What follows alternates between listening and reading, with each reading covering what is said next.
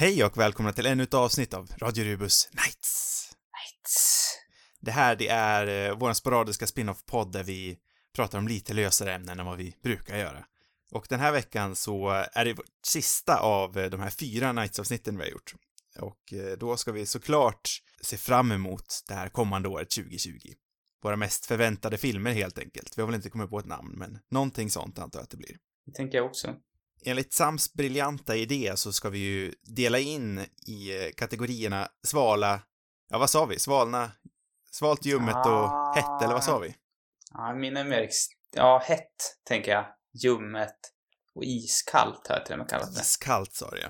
Men sen, det beror ju lite... Och men mina svala är iskalla, så det, De är, de är så iskalla. de är rätt iskalla. Alltså jag hade några som var så kalla så det var du vet sån här iseld. Typ. Men de tänkte jag att de är liksom inte... Ska inte sitta här och vara för ilsken kanske. Jag Eller kände mig ändå lite värda att lägga ner tid på. Man vill ju inte välja några filmer där, för man vet ju aldrig. Men de här filmerna känner jag ändå rätt säker på att det är typ omöjligt att de här blir bra. Jag förstår känslan. En gång till. Is... Vad sa du? Iskallt? Iskallt, ljummet eller hett. Ja. Eh, Vi har tre stycken iskalla och så har vi åtminstone fem av ljumna eller heta. Men det får, eh, åtminstone fem, men det får vara mer eller mindre. Sammanlagt ska det alltså vara 20 stycken. Precis så. Vi kanske kommer på någon mer förklaring under vägen, men jag tror det sammanfattar. Vi kommer ju inte göra det i ordning här. Nej, Och, eh, precis. vi känner inte till vad, eh, vad den andra, vad de tycker egentligen. Eller så tänker jag också att man får spontan reagera på dem den andra slänger upp, helt enkelt. Ja, ja, vi har ju sett varandras listor, det har vi i alla fall gjort, men vi vet ingenting mer än så. Nej, precis. Vem av oss vill börja? Och vad ska vi börja med, kan vi säga också. Ska vi köra med ordning, eller? Alltså svala, ljumna. Nej, det är det jag inte tycker. Du tycker inte det? Då... Jag tycker det är roligare om det är en, en, en ja men en liksom, en salig blandning helt enkelt. Då kör vi på det. Sen vem som ska börja, det vet inte jag, men eh, Ja, men jag, jag, jag tror att du började förra veckan, så då kan jag börja. ja. Det, vet du vad jag insåg också förra veckan? Nej. Jag tror inte jag svarade på en av kategorierna. Gjorde du Jag har slagit mig så här i efterhand. Vilken svarade du inte på? Året, svarade jag någonsin på årets besvikelse? Jo, men det tror jag att du gjorde. I så fall svarade jag någonting som jag inte hade tänkt svara från början. För jag insåg att, att mitt tänk, tilltänkta svar hade aldrig svarats. Men du kan ju säga det här, vad hade du för tilltänkt svar? eh, det var den här filmen vi inte snackade så mycket om faktiskt. Tarantinos senaste. Mm. Men det kanske också speglar att det var... Fast jag vet inte om det var en besvikelse för dig, men den var inte topp i alla fall. Så att, ja, jag vet inte. Det är kanske onödigt att ta upp det nu, men jag bara kände att jag ville få ut det. Ja, men jag, jag, jag vill säga rent spontant att jag var rätt så säker på att... För du, jag tror att du valde någonting först, sen hoppade jag in, men jag kommer inte ihåg vad du valde. Nej, inte jag heller. Strunt samma. Strunt samma. Ehm, jag tänker att vi kan väl börja med eh, någonting ljummet då. Jag vet att du har den här på din lista också, så jag vet inte hur ska vi göra då? Ska vi prata om den samtidigt? Ja. Ja, det är väl så jag tänker det. Du borde Eh. inte avslöja ljummet på en gång heller. Det, du, det känns ju väldigt ospännande. Okej. Ja, nej men då... Eh, Men nu vet vi det. så vilken är din ljumna nummer ett? sa jag att den skulle vara ljummen? Ja, du sa att jag, du skulle börja med någonting ljummet. Jaha, det sa jag kanske. Ja, förlåt. Jag, Det spelar ingen roll. Ja, en, en rätt ljummen film som eh, kan vara sval för dig, det vet jag faktiskt inte. Så där kan det bli lite spännande. Eh, och det är eh, Kenneth Branaghs uppföljning på mordet på Orientexpressen, Death on the Nile, eller Döden på Nilen. Mm, just det. Nej men det, den är rätt ljummen för mig också faktiskt. Så inte Ja, sval. För den första, den var ju helt okej ändå. Ja, Jag verkligen. kommer inte ihåg vad vi sa i podden, men jag tror väl ändå att vi var rätt så varma till den. Ja, men det var en okej film. Den, eh, den hade väl sina brister. Mm. Då snackade vi också om den, den gamla, eller den här 70-tals, Precis. eller 70-talsfilm, Ja. tror jag va? Den dock tyckte jag mycket om. Den var Mm. inte som den, men den, den var en trevlig, trevlig underhållande film. Ja, och även här så, eh, jag tänker att eh, vi ska köra ett jämförelseavsnitt då med. För Döden på Nilen är ju kanske den av de gamla Poirot-filmerna jag tycker som allra bäst om. Den med Peter Ustinov i huvudroll som eh, den titulära Poirot. Just det. Eh, och jag, jag älskar ju såna här uh, whodunit-filmer med en stjärnspräckad rollista. Ja, det gör man ju. De har, det, det är ett jävla gäng de har slängt ihop ändå. Jag tycker ju att eh, Brannas Poirot, det är ju långt ifrån den bästa, men han var ändå rätt skoj. Ja, han är skoj. Jag mig lite på den där muschen. Den är ju Ja. bra, men den är lite för stor. Ja, han ser väldigt töntig ut. Han är också så, det är också svårt tycker jag med, eller det var lite svårt med förra tyckte jag, att man liksom veta tonen riktigt om han, Mm. för att just den där mustaschen känns så ironisk på något vis. Jag, jag kommer ihåg, jag tyckte det var superskojigt när han satt och skrattade åt, var det Charles Dickens som skrattade åt? Om det var Oliver Twist eller något sånt där. Ja, han läste någon bok i alla fall och jag är rätt säker på att han satt och eh, hade kul åt eh, Charles Dickens, men jag kan ha fel. Det var i filmen, alltså en scen. Mm, precis. Ja. Men det var, det var lite som den där mustaschen blev lite elef- elefanten i rummet tyckte jag, hela filmen. Svårt att veta vad man skulle liksom, hur man ska tolka den. Ja, nej, jag, jag håller helt med dig och det är väl precis just efter. Den förra var inte skitbra och jag har svårt att tro att den här kommer vara skitbra också. Så just därför är den väl ljummen för min, i min egen smak. Ljummen men, men säkert mysig. Ja, jag, jag tror ändå det. Men den var ljummen för dig också, eller? Ja, precis. Samma där. Men vad, vad, vilken skådis känner du är liksom den bäst, mest, vilken är du mest sugen på i den här filmen? Eh, nu måste jag kolla upp rollistan en gång här bara. Vi behöver inte kanske nämna alla skådisar, men jag Nej, bara nyfiken på vad du har för någon, om du har någon favorit. Alltså det är ju en jävla rollista nu när jag sitter här och kollar på den. Den är ju superbra. Eh, jag älskar ju Army Hammer nu för tiden. Det ska faktiskt bli rätt, kanske lite otippat, men det ska faktiskt bli rätt kul att se Gal Gadot i en annan roll. Mm, För mm, jag, faktiskt. jag var inte det största fanet av Wonder Woman, men jag gillar verkligen henne. Det här känns också, eh, ja men, jag har kanske inte sett så många filmer med men det känns som att jag bara sett henne i två roller mer eller mindre. Liksom. Ja, och de det är ändå ganska, det vore kul om hon liksom, ja men, tog ut, eh, liksom, gick lite mer wild den här. Att man fick se en helt annan eh, karaktär. Skulle Mm. jag tycka var roligt. Mm. En Jag absurd karaktär och det känns som det kan finnas möjlighet till det. Det är inte omöjligt i alla fall. Nej, nej, jag tror också det finns nog en möjlighet till det. Eh, vilken är din? Nej, jag vet inte om jag har någon favorit. Jag tycker det är lite kul, kul att Rose Leslie eh, får en roll i en stor film igen. Mm. Eh, jag vet inte vad hon... Hon känns som att hon blev lite bortglömd. Ja, vad fan har hon tagit vägen? Hon var väl med i någon säsong hon av gjorde väl några Luther, va? filmer och, eh, som inte var Jo, men hon jätte- har ju tusan eh, The Good Wife spin-offen. Aha, vad heter den för? Eh, the Good eh, någonting.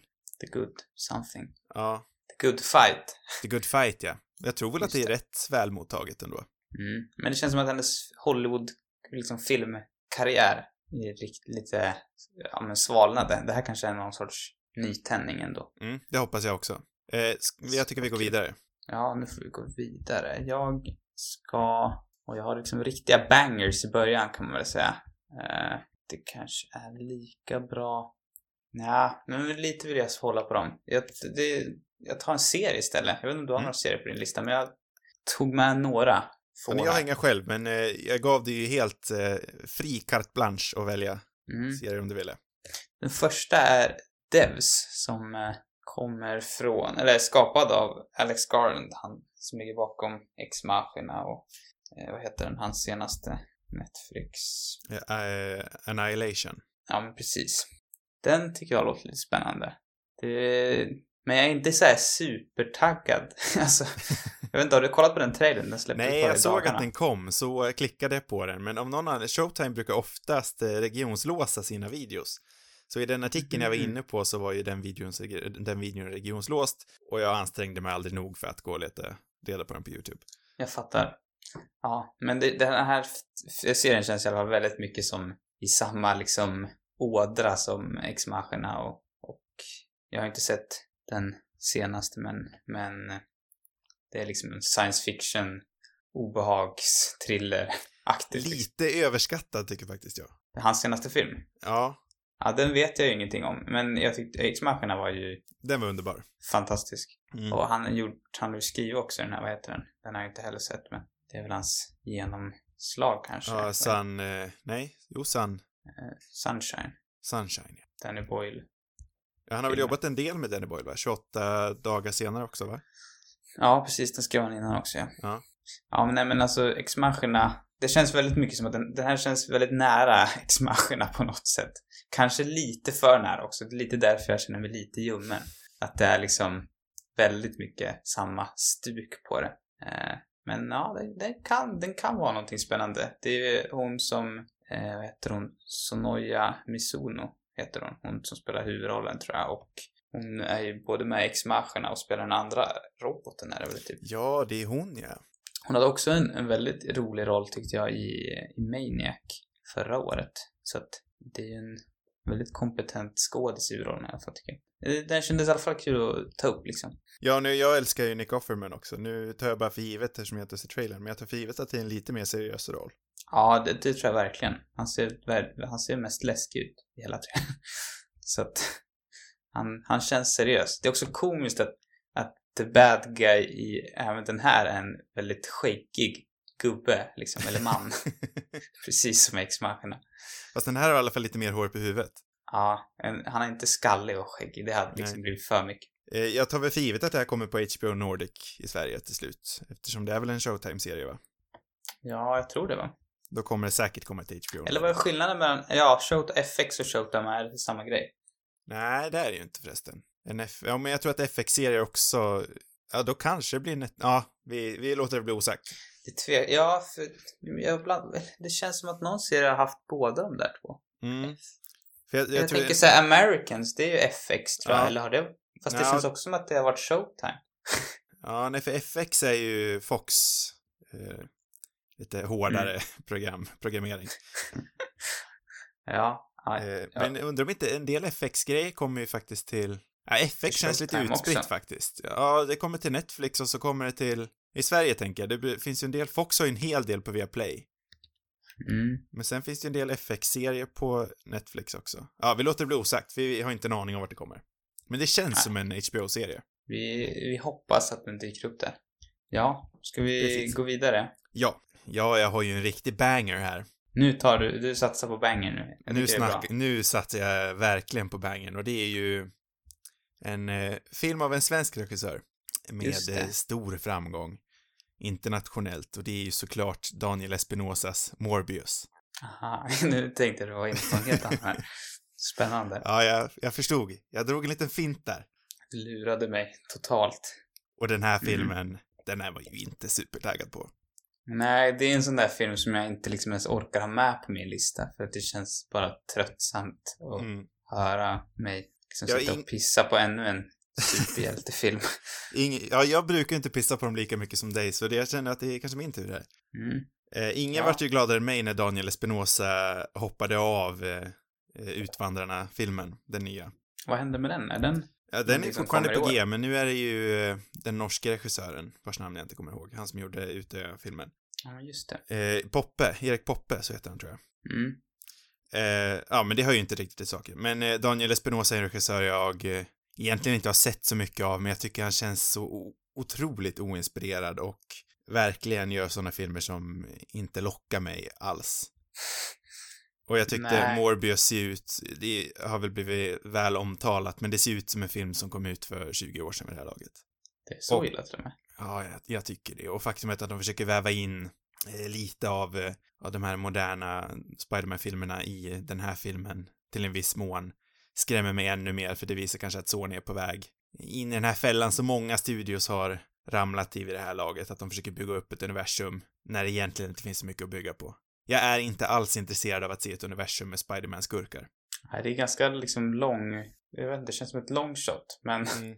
även om, fast, och anledningen till att den här existerar är väl att Venom gick så otroligt bra fast den vart fullständigt eh, manglad av alla, alla kritiker och sådär. Men, men den gick väl ändå riktigt bra. Ja, kanske av de som såg den överhuvudtaget vart den väl rätt dissad. Men, men den, eh, det var väl många som såg den på bio. Ja, jo, det var ju. Den tjänar ju supermycket pengar. Så det är ju 100% anledning till att den här filmen existerar. Det känns dock som att Venom är en mycket mer liksom känd eh, skurk. Ja, Jag men tror- för mig, alltså man, jag hade ju hört talas om Morbius innan, men jag skulle ju aldrig, om jag, om jag hade varit en studiomänniska hade jag aldrig satsat pengar på en Morbius The Living Vampire-film. Nej, det känns som en... Det här känns som en farlig satsning. Det känns som att Sony... Ja, det känns som att de gör bort sig med den här filmen. Men jag vet inte, vi får väl se. Ja, så Han har ju Det är ju ingen lite... dålig cast. Alltså jag menar, Nej. de har ju de har Jared Harris och J.K. Simmons och Jared Leto och Matt Smith och Michael Keaton liksom. Det är ju inga, det är inget dåligt gäng. Nej, och Espinosa, han är väl kompetent? Alltså, det ska man ju inte ta ifrån honom. Ja, det, jag har ju bara sett den första Snabba Cash-filmen så jag kan inte säga så mycket om honom men han får ju fortsatt förtroende i alla fall att göra stora Hollywood-filmer så. Sen är det väl ingen som har blivit välmottagen. Ja, men Life blev väl rätt så... Ja, det kanske blev rätt. Hyllad är ju en överdrift, men jag tror folk Ja, tyckte den- om Life ändå. Ja, men den kan jag tänka mig att den kanske är... Att jag inte såg den handlade nog mest om att jag kände mig rätt trött på, på sådana där rymdfilmer. Men Mm. det är ju, där, där har han ju ännu bättre skådisar kan man ju säga. Mm, ja, där har han ju en jävla rollista. Förutom Och Jared Leto har ju blivit lite av ett skämt, men man kan ju inte ta ifrån honom att han är ju fan bra. Ja, jo men så är det ju absolut. Din nästa film, Sam. Min nästa film. Ska jag ta en riktig banger den här gången eller ska jag finta en gång till? Nej, nu kastar jag in den. Denis Villeneuves Dune. Den tror jag är med på din lista också va? Den är med på min lista också. Svårt att inte ta med den. Svårt att inte ta med, absolut. Man vet inte så mycket, alltså det finns inga trailers sådär ute. Man känner till vilka, vilket, vilket supergäng av skådespelare han har plockat ihop. Jag vet inte hur bekant man är med Dune. Jag har inte sett orgi- alltså, äh, original, det bygger ju på en bok men, men eh, den här David Lynch-filmen från 84 är jag lite sugen på att se. Men anledningen till att det här är definitivt på min hetlist i alla fall, den här filmen. Det är den Och det, det är ju framför... Ja, men Villeneuve var ju, tycker inte jag, kan ha, jag har aldrig sett en dålig film av honom. Och eh, det han gjorde med, lyckades göra med Blade Runner för några år sedan, det var ju otroligt tyckte jag. Så att jag har liksom någon sorts förhoppning att han ska lyckas lika väl med, med den här storslagna science fiction-filmen. Men hur är det sagt nu då? Är det här den första i en serie, eller ska den här... För den där, Dune är väl rätt så lång? Och det finns väl en del uppföljare också, va? Jag tror det är rätt saftigt material att adaptera. Ja, du menar själva originalbok? Eller snackar du böckerna nu eller Precis, snackar du ja. filmen? Böcker. Alltså, ja, jo, jag tror det finns ett antal böcker. Eh, Åtminstone tre, har jag för mig. Ehm, jag tror inte att de har annonserat någonting om att, att det här är någon sorts... De ska göra fler filmer. Det, det kanske är... Det är ju definitivt en möjlighet. Det kanske bara är så att Villeneuve inte är... Jag vet inte om han är intresserad av att fler. Men han känns som en filmskapare som gör... Han eh, liksom fokuserar på en film och Mm. vet Går det bra så kanske han lämnar över till någon annan lite grann som han gjorde med Sicario, tänker jag. Men ja, jag vet precis. inte. Det skrämmer mig ju lite, för om jag förstår det rätt så är Dune ett jäkla satt, saftigt eh, grundmaterial och antagligen rätt svårt att adaptera. Det som också kan oroa mig är väl att de har ganska... Men det liksom, känns som det är många karaktärer ändå som... Eller, det är liksom, ibland kan jag känna så här när... Man blir alltid imponerad av en fantastisk rollista, men det kan Mm. också vara ett tecken på eh, att det kanske är lite för många liksom, karaktärer som ska in. Ja, och vid det här laget så jobbar man ju inte med Denis, med Denis Villeneuve för han, för hans manus, utan man jobbar väl mer bara med faktumet för att man vill jobba med honom. Ja, Så bara att han har bra skådespelare behöver ju inte tala för manuset. nej, nej. Men samtidigt, alltså senaste Blade Runner var ju så fruktansvärt storslagen och han gjorde ju det som många ansåg vara omöjligt med den filmen. Ja, och det är väl det, det hoppet man har att han ska lyckas med även här. Ja. Och så Deakins tillbaka. Ja, det skadar ju inte liksom. Han har både Dickens, han har, har väl Simmer också på Mm, musiken tror jag. Om jag inte minns fel. Jag Men tror han har ett det. bra, bra liksom gäng bakom sig och det är också kul att se eh, ja men Timothy Chalamet till exempel och Rebecca Ferguson i, i en riktig monsterfilm. Ja, jag är supertaggad. Ska vi gå vidare? Vi går vidare. Ehm, min nästa film är eh, regisserad av en eh, svensk regissör faktiskt. Mm. En regissör som har haft väldigt mycket framgång utomlands. Mhm. Eh, och eh, den filmen, eller den regissören, det är ju Ruben Östlund. Och det är hans det. film eh, Triangle of Sadness. Mm. Som man egentligen inte vet så mycket om. Eh, jag tror väl premissen har väl någonting med modeller att göra, att den ska utspela sig i modellvärlden. Jag Eh, men att de är sen, på en båt också.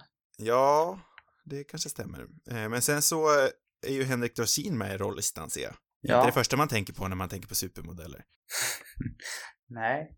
Eh, en men eh, bara faktumet att det är Ruben Östlund. Jag vet att vi har snackat lite skit om Ruben Östlund i den här podden för. Inte jättemycket, men vi har har gett några glidningar, men jag kan inte förneka att jag älskar hans filmer.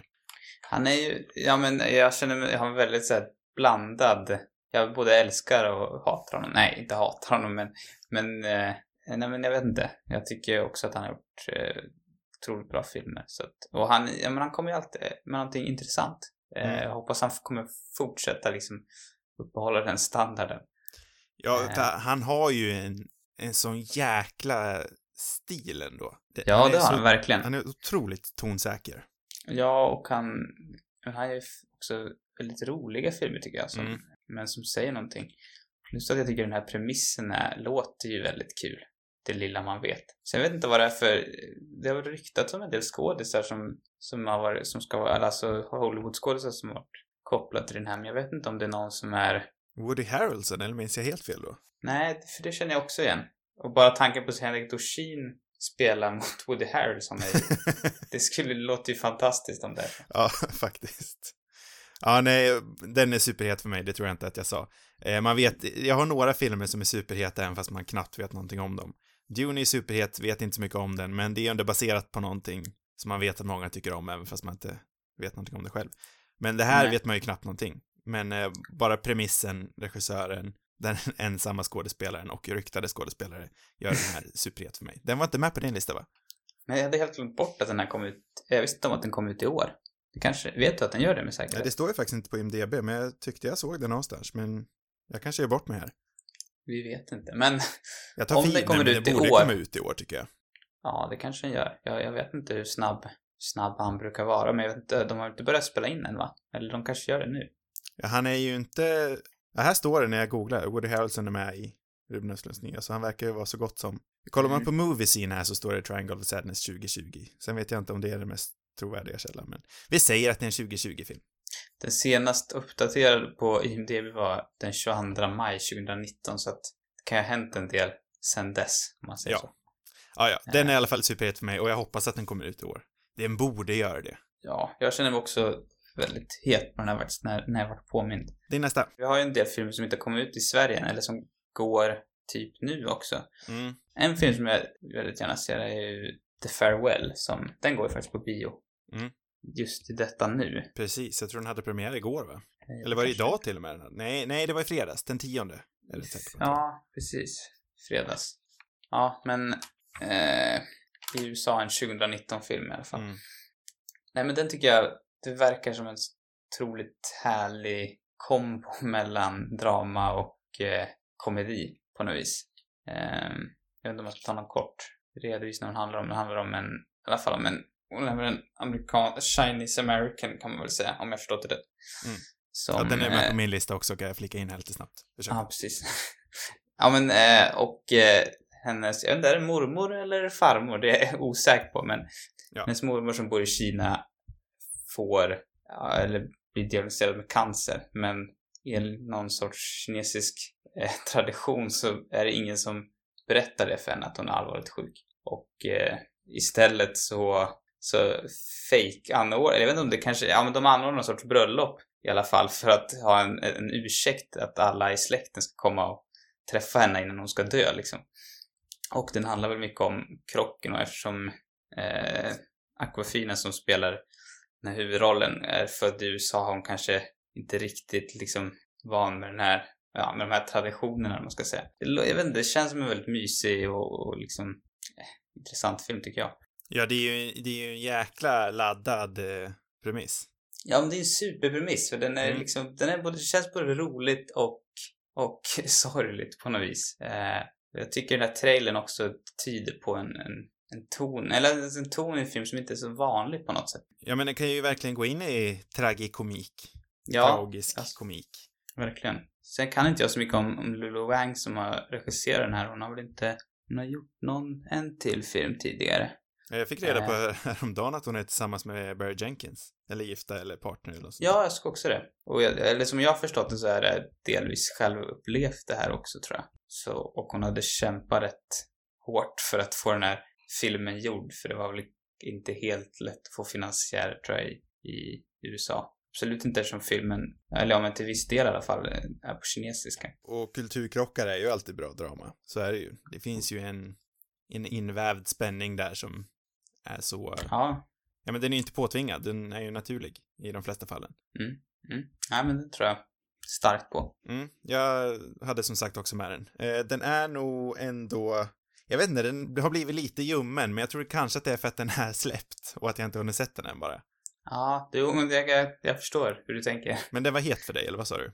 Ja, ja, men det måste jag säga. Men, men det, jag känner ändå igen, det är på något sätt lättare kanske att känna alltså den här verkliga hettan till ett projekt som man inte, som man vet mindre om och Mm. som är lite längre fram. För ofta så brukar liksom det svalna lite grann när man närmar sig. Ja, det är bara vissa få filmer som lyckas uppehålla samma liksom intresse tycker jag hela vägen fram till premiären.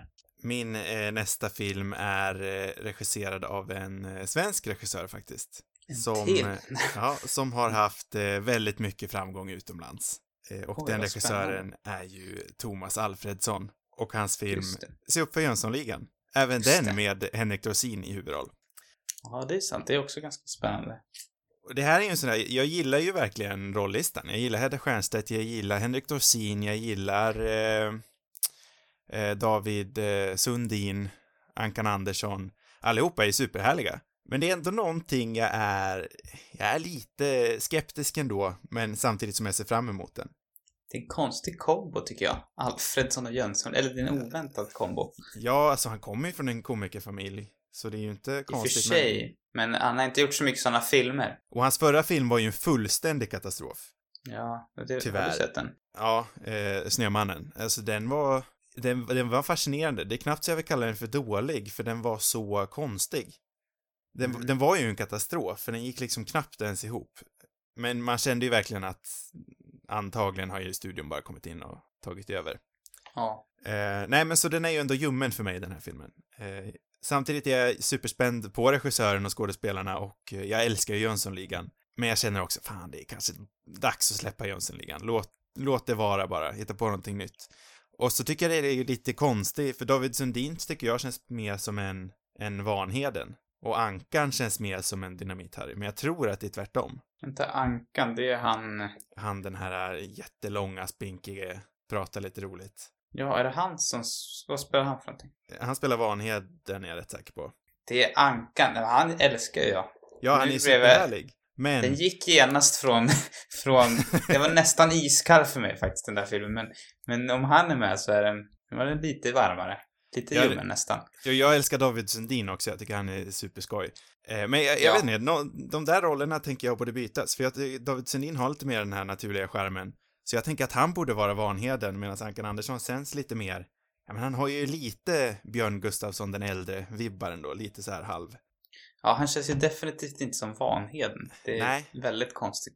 Sen, jag, jag vet inte, är hans persona en karaktär, eller är han sådär loj och, och här, härlig i verkligheten? Ja, jag tror han är lite så. Men jag vet inte, han är alltid så i allt han förekommer i alla fall. Ja. ja det, det kan bli skitbra, eller så är det en katastrof. Men den är, jag ser fram emot att se den, så den är, men den är, slutar som ljummen. Varmt och kallt Mm. ihop brukar sluta ljummet. Mm. Förstår. Nu kan du fortsätta. Jag nu? Vad ska jag erbjuda för någonting? Eh, en snabb vi kan flika in, en till serie. Det här vet jag fan om den borde fått varit med överhuvudtaget, men eh, eftersom det är ingen ny serie. Men Westworld säsong 3. Jag vill ändå lyfta den, för på något sätt är det ändå ett, ett stort event nästa år för mig, Mm. oavsett om den det redan har gått två säsonger. Jag, jag tycker det är liksom den, eller för mig är det lite av den den enda serien som eh, fortfarande går som har den här, eh, jag menar att det blir någon sorts event, alltså den typen av kvalitet, att jag liksom är riktigt sugen typ, alltså det känns stort när premiären väl kommer. Eh, ändå känner jag mig relativt ljummen till säsong 3. Jag tror du, du var ju ljum, väldigt ljummen inför säsong 2. Mm, verkligen. Jag tror, inte- jag tror inte du är jättehet på den här, men jag tror du är hetare än vad jag är. Eh, ja, jag är nog, jag, är ändå rätt spänd på, jag tyckte trailern var rätt spännande och jag var ju så jäkla less på den senaste säsongen när den eh, närmade sitt slut. Så jag uppskattar verkligen ett byte av eh, delvis rollista men även eh, location. Och jag Mm. tycker det är spännande att sig ut i den nya världen. Sen så kommer man ju sakna lite grann det här med, med western-temat, men det kanske de återkommer till. Ja, den möjligheten finns ju. Och det är väl det jag saknar. Jag är lite rädd att det blir, ja men jag vet inte, lite så här för mycket sci-fi. Eller i den klassiska bemärkelsen, eller någon sorts dystopi. Jag vet inte. Nej, det är väl kanske ingen dystopi egentligen det här, men på sätt och vis är det väl det. Eh, Det var det jag tyckte verkade så spännande ändå, för det är en framtid som känns så, så vardaglig. Och det är spännande. Det är inte en utopi Ja. och det är inte en dystopi, utan det är bara en, en vardag med framtidstech. Mm. Men man vet också att det är Westworld och det är rätt dystert i Mm. Alla fall. Alltså det, det är flashigt och snyggt på ytan, men under ytan är det rätt dystert ändå. Mm, jo, det är det ju. Eh, nej, men jag är relativt sugen på att de, på den ändå, även fast de, även fast jag inte är jätte, hade gärna varit kvar i den gamla miljön också. Och sen är väl inte jag något superfan av, eh, vad heter han? Eh, jag har knappt sett Aaron. någonting med han i och för sig, men jag stör mig på hans Aaron utseende bara av någon anledning. Aaron, Aaron eh, Taylor Johnson vill jag säga, men det är det ju inte. Nej, det är någon Ja, annan. det är Jesse från Breaking Bad. Precis. Eh, nej, jag, jag tycker om, jag har inte heller sett i så mycket, men eh, jag tycker om honom. Ja. Och eh, jag, jag uppskattar att de har, hade modet att lämna mysterieboxen från den här eh, tivolivärlden de var i tidigare. Ja, vi får se. Eh, min nästa film är eh, inte regisserad av en svensk regissör. Oj, du har nästan tagit... Nej, du har någon fler där vet jag, men du, Ja, du har liksom... Du körde alla dem nästan på en gång. jag hittade tema och körde på det. jag tyckte det är bra att du ändå...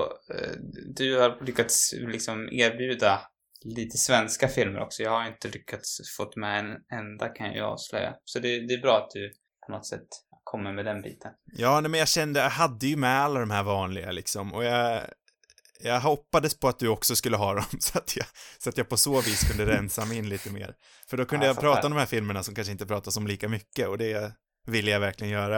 Mm, ja men det är bra. Eh, men min eh, nästa film, eh, jag kommer inte ihåg om den här är på din, men jag antar att den är det, annars har du säkert glömt den. Men A Hidden Life, Terrence Malicks nästa rulle. Ja, det var en sån där film som jag lyckades tänkte att, eller jag hade svårt att få in den och sen så såg jag din, din lista när jag liksom Ah. satt i slutklämmen där och försökte liksom rensa bort och tänkte nej, den får stryka med nu. Absolut eftersom jag skulle försöka få in eh, tre iskalla filmer också. Så Ja. då, då åkte den. Ja, du körde precis så som jag gjorde alltså. Precis så. Eh, nej men eh, ryktet går ju att eh, Malik är tillbaka i form. Mm. I god form till och med. Eh, och eh, egentligen vet jag inte så mycket mer än trailern. Och jag tyckte den verkade jättefin. Och det är ju, hur är det? Handlar den om, eh, nej den handlar inte om nazister utan den, den är, utspelar sig i andra världskriget men den handlar om holländare va? Eller nej, inte holländare. Är de inte Österrikare. Österrikare kanske? Österrikare Mm. ser jag här nu. Ja, det är väldigt mycket alp. Fina alpmiljöer ser det ut som. Exakt. Det känns Eh, som mycket- en, liksom, åter... För att återkoppla till Days of Heaven så känns det som en sån här film med ett fantastiskt foto. Han, Mm. Jag vet inte, alla hans filmer är väl rätt snygga. Jag har ju bara sett det, of Heaven, men den, den här känns som den har potential att vara jäkligt snygg. Mm, verkligen. Och- Ja, och det är, atmosfärisk liksom. och det är ju rikt material och man önskar ju verkligen att Malik kanske, den här mänskligheten han hade i sina tidiga filmer, har han Mm. eh, kändes som att han gick lite ifrån, men jag hoppas att den är tillbaka här. Sen är det ju också spännande att se, det här kommer ju vara både Bruno Gantzis och eh, Micke Nyqvist eh, sista roller. Ja, just det. Han sitter så jävla länge i klipprummet så att Ja. halva, liksom halva rolllistan har hunnit dött innan Precis. när filmen kommer ut. Ja, det är ju bra många år sedan Micke Nyqvist dog nu. Ja, det känns som länge sedan. Bruno Men det känns ju, dog väl förra Ja. året, va? det var ju rätt nyligen ändå, så han kanske har någon till efter det här till och med. Men det ju, måste ju absolut vara Micke Nyqvists sista. Och det tycker jag ändå är rätt fint att han får sluta på topp. Ja, och nej men jag, jag kan bara hålla med. Jag tänkte typ, jag var lite så här, kände mig lite ljummen på den här filmen, men sen så kikade jag på trailern igen idag och bara kände, nej, den, nej, den här blir nog riktigt bra. Den är ju lång och den, den ser rätt liksom tung ut på något vis, men Mm. jag tror, det här känns som en film som man ska se, gärna se på bio också. Mm, det tror jag Då med. tror jag den verkligen kan, kan leverera. Om man liksom lyckas hamna i, i rätt eh, sinnesstämning då tror jag den kan vara riktigt bra. Ja, ja nej, den här är superhet för min, på min lista. Mm. Din nästa. Min nästa. Eh, jag eh, får väl ta, ja, den kommande Bond-filmen kanske. Mm. No time to die. Den är ju... Den är, känner jag mig väldigt splittrad kring. Måste jag ju Den säga. här var med på min också, men det, där gjorde jag det som du gjorde nyss. Jag antog att den skulle vara med på din, så jag tog bort den. förstår. Smart drag. Eh, jag, är, jag måste väl tyvärr erkänna, eller jag vet inte tyvärr, men jag är, ju- jag är ju alltid löjligt sugen, eller liksom taggad varenda gång det kommer en Bondfilm. Det är ju något Man är ju speciellt det. ändå. Ja, jag vill inte riktigt vara med i det där gänget, men jag, jag vet inte, när det är Bond så, jag kan inte låta bli liksom. Då blir jag sådär töntig och det är snygga bilar och snygga Craig och sådär. Snygga brudar. Nej, det var därför jag la in Craig istället. Det kändes mer mysigt. Nej, Ja. jag vet. Nej, men... Så därför, det, alltså, den är ju nästan het bara för att det liksom är en Bondfilm, men, men egentligen så är jag ju alldeles för okritisk, tror jag. Eller, jag förstår ju att, att eh, eller förstår, men det känns, jag vet inte, det känns tveksamt. Jag tycker inte om, eller det, det som gör mig liksom lite ljummen är ju att det känns som att de åter, ja men återigen ska koppla det till tidigare filmer. Och just eftersom jag tycker att eh, valet av regissören eh, Cary Fukunaga, som jag tycker är väldigt spännande, Superspännande. att, att han gör den här filmen, men på något sätt ändå känns, jag vet inte om han är tvingad, men det känns som det. Han, är ju, han jobbar ju med ett manus som inte, ja men han har inte skrivit det själv. Eh, Det är väl de här Säkert. två vanliga, va? ja, Neil Purvis och Robert Wade är väl som brukar. Exakt. Det skulle Ja. ju vara ett originalmanus från, det var ju man ju otroligt taggad på när det var Danny Boyle-manus och hans eh, grabb. Ja, då hade det kunnat bli coolt. Mm. Nej men det är just det, det är synd för att jag tycker det är en fräsch regissör som jag tror, och jag tror fortfarande att han kan göra någonting otroligt fräscht i det här, men det känns som att det liksom lever kvar grejer, grejer som var rätt dåliga med, med Spectre, eh, som jag hade någon sorts förhoppning om att de bara skulle kassera och det verkar de ju inte ha gjort, tyvärr. Eh, sen får vi väl se hur mycket plats det tar. Det som ändå talar för kan bli lite eh, liksom roligt ändå, det är väl att de har åtminstone plockat in en del nya spännande skådisar. Jag tycker, jag vet, det är svårt. Rami Malek är ju eh, liksom en otrolig skådis. Sen är man väl lite orolig för den här karaktären, hur den, han känns lite tjat, uttjatad kanske. Trailern gjorde mig livrädd för den här filmen. Det var mest det som, allting runt omkring trailern. Bortser man från trailern så är jag supertaggad på den, men när trailern släpptes vart jag livrädd. Jag... Trailern i sig var ju faktiskt bra. Jag tycker bitar av trailern är, är superintressanta liksom. Ja. Eh, Jag, jag gillar, det är, jag tycker det är kul att se Jeffrey Wright tillbaka. Ja. Jag vet inte om, han, fan var väl inte med i Spectre. Eh, Nej, han har och, varit, eh, inte varit med i de två senaste. Inte Nej, Skyfall heller. eh, och sen eh, Lashana Lynch som ryktas eventuellt, jag vet inte om det känns ju lite otrovärdigt ändå att hon ska ta över som Bond, men hon har åtminstone ryktats som att hon ska ta över som Bond. Jag tycker hennes karaktär i alla fall i den här filmen känns intressant och som förhoppningsvis någonting fräscht. Hon kommer väl antagligen spela Agent 007 i början av filmen, som det verkar. Mm, mm.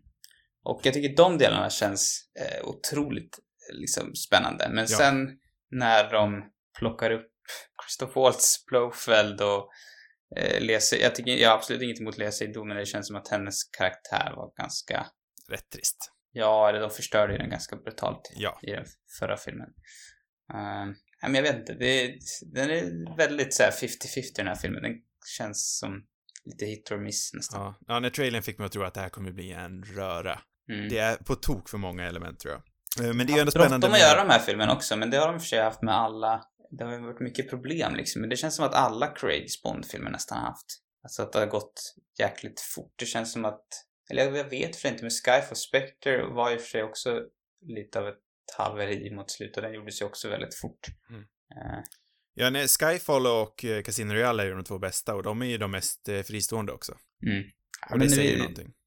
Det, sen kan det vara att man får intryck av att den är, den kanske är mer fristående också än, än vad trailern liksom utlovar. De kan ju vara att de, det är bara ett, är någon sorts villospår. Jag vet inte. Man kan jag hoppas, i alla fall.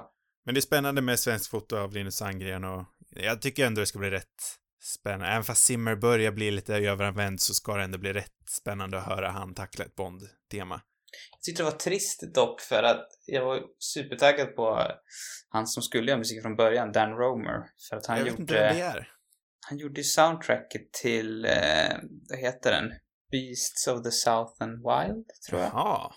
Och alltså det är verkligen ett sånt där soundtrack som, om jag skulle välja ett, ett soundtrack under, ja men nästan hela 10-talet, då skulle jag nästan plocka det som det soundtrack jag liksom verkligen lämnade ett stort, eller starkt intryck på mig. Så att jag tyckte det här var jättespännande och han jobbade också med Fukanagas eh, Maniac-serien förra året så att det är lite trist. Jag vet inte vad anledningen var egentligen varför han, men det, jag har för mig att jag läste någonting om att det var något sorts kreativt Ja, det här vanliga spelet.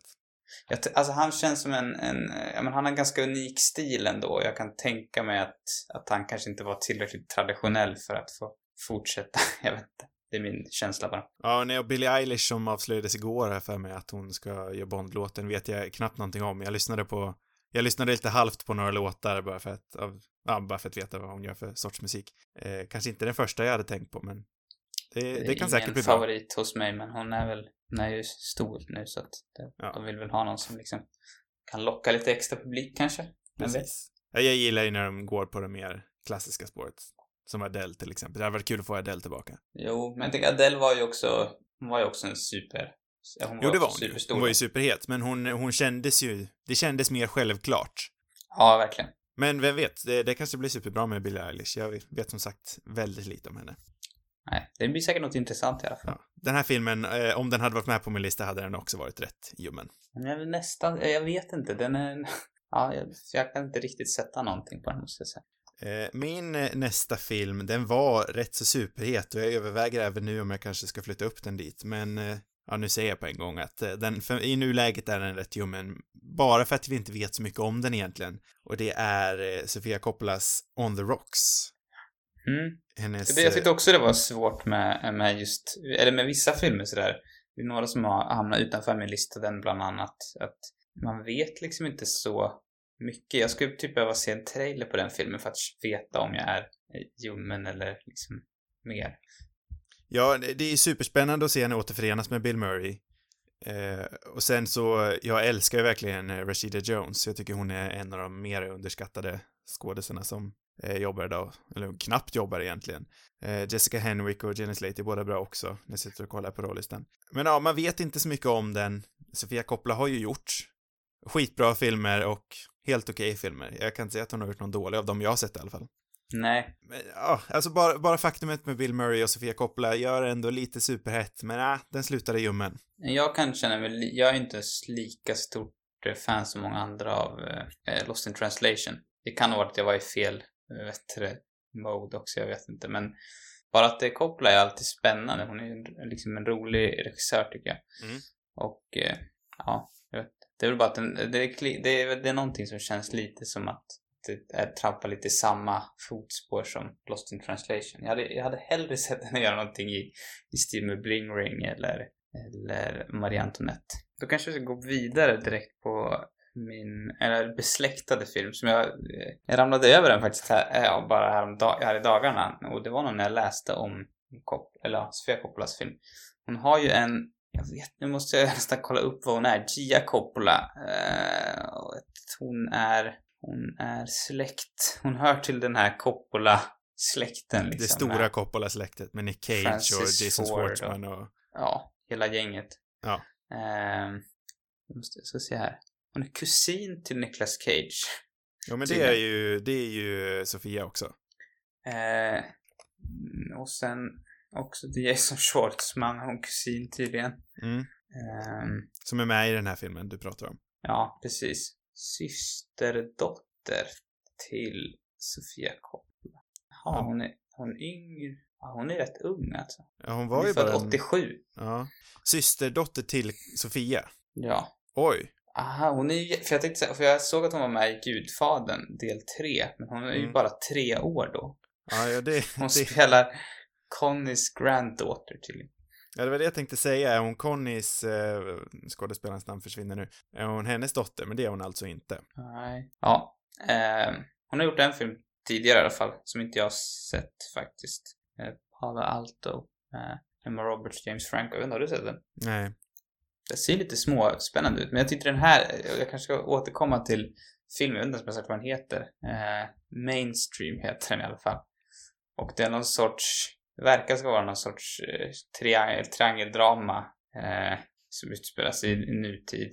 Eh, och eh, jag tror att de, eller jag är inte helt säker på vilka de är involverade men jag skulle gissa att det är Andrew Garfield har en roll i den här filmen, Jason Schwartzman som du sa, och eh, Maya Hawke också, dotter till, till Ethan och Uma. Ja, precis. Um, jag, vet inte, jag, jag vet inte mycket om den här filmen, men jag kände bara spontant, eftersom jag både gillar Andrew Garfield väldigt mycket och Jason Schwartzman nästan ännu mer, så bara kände jag att det här kanske kan bli något, något spännande. Mer än så har jag väl inte att säga egentligen.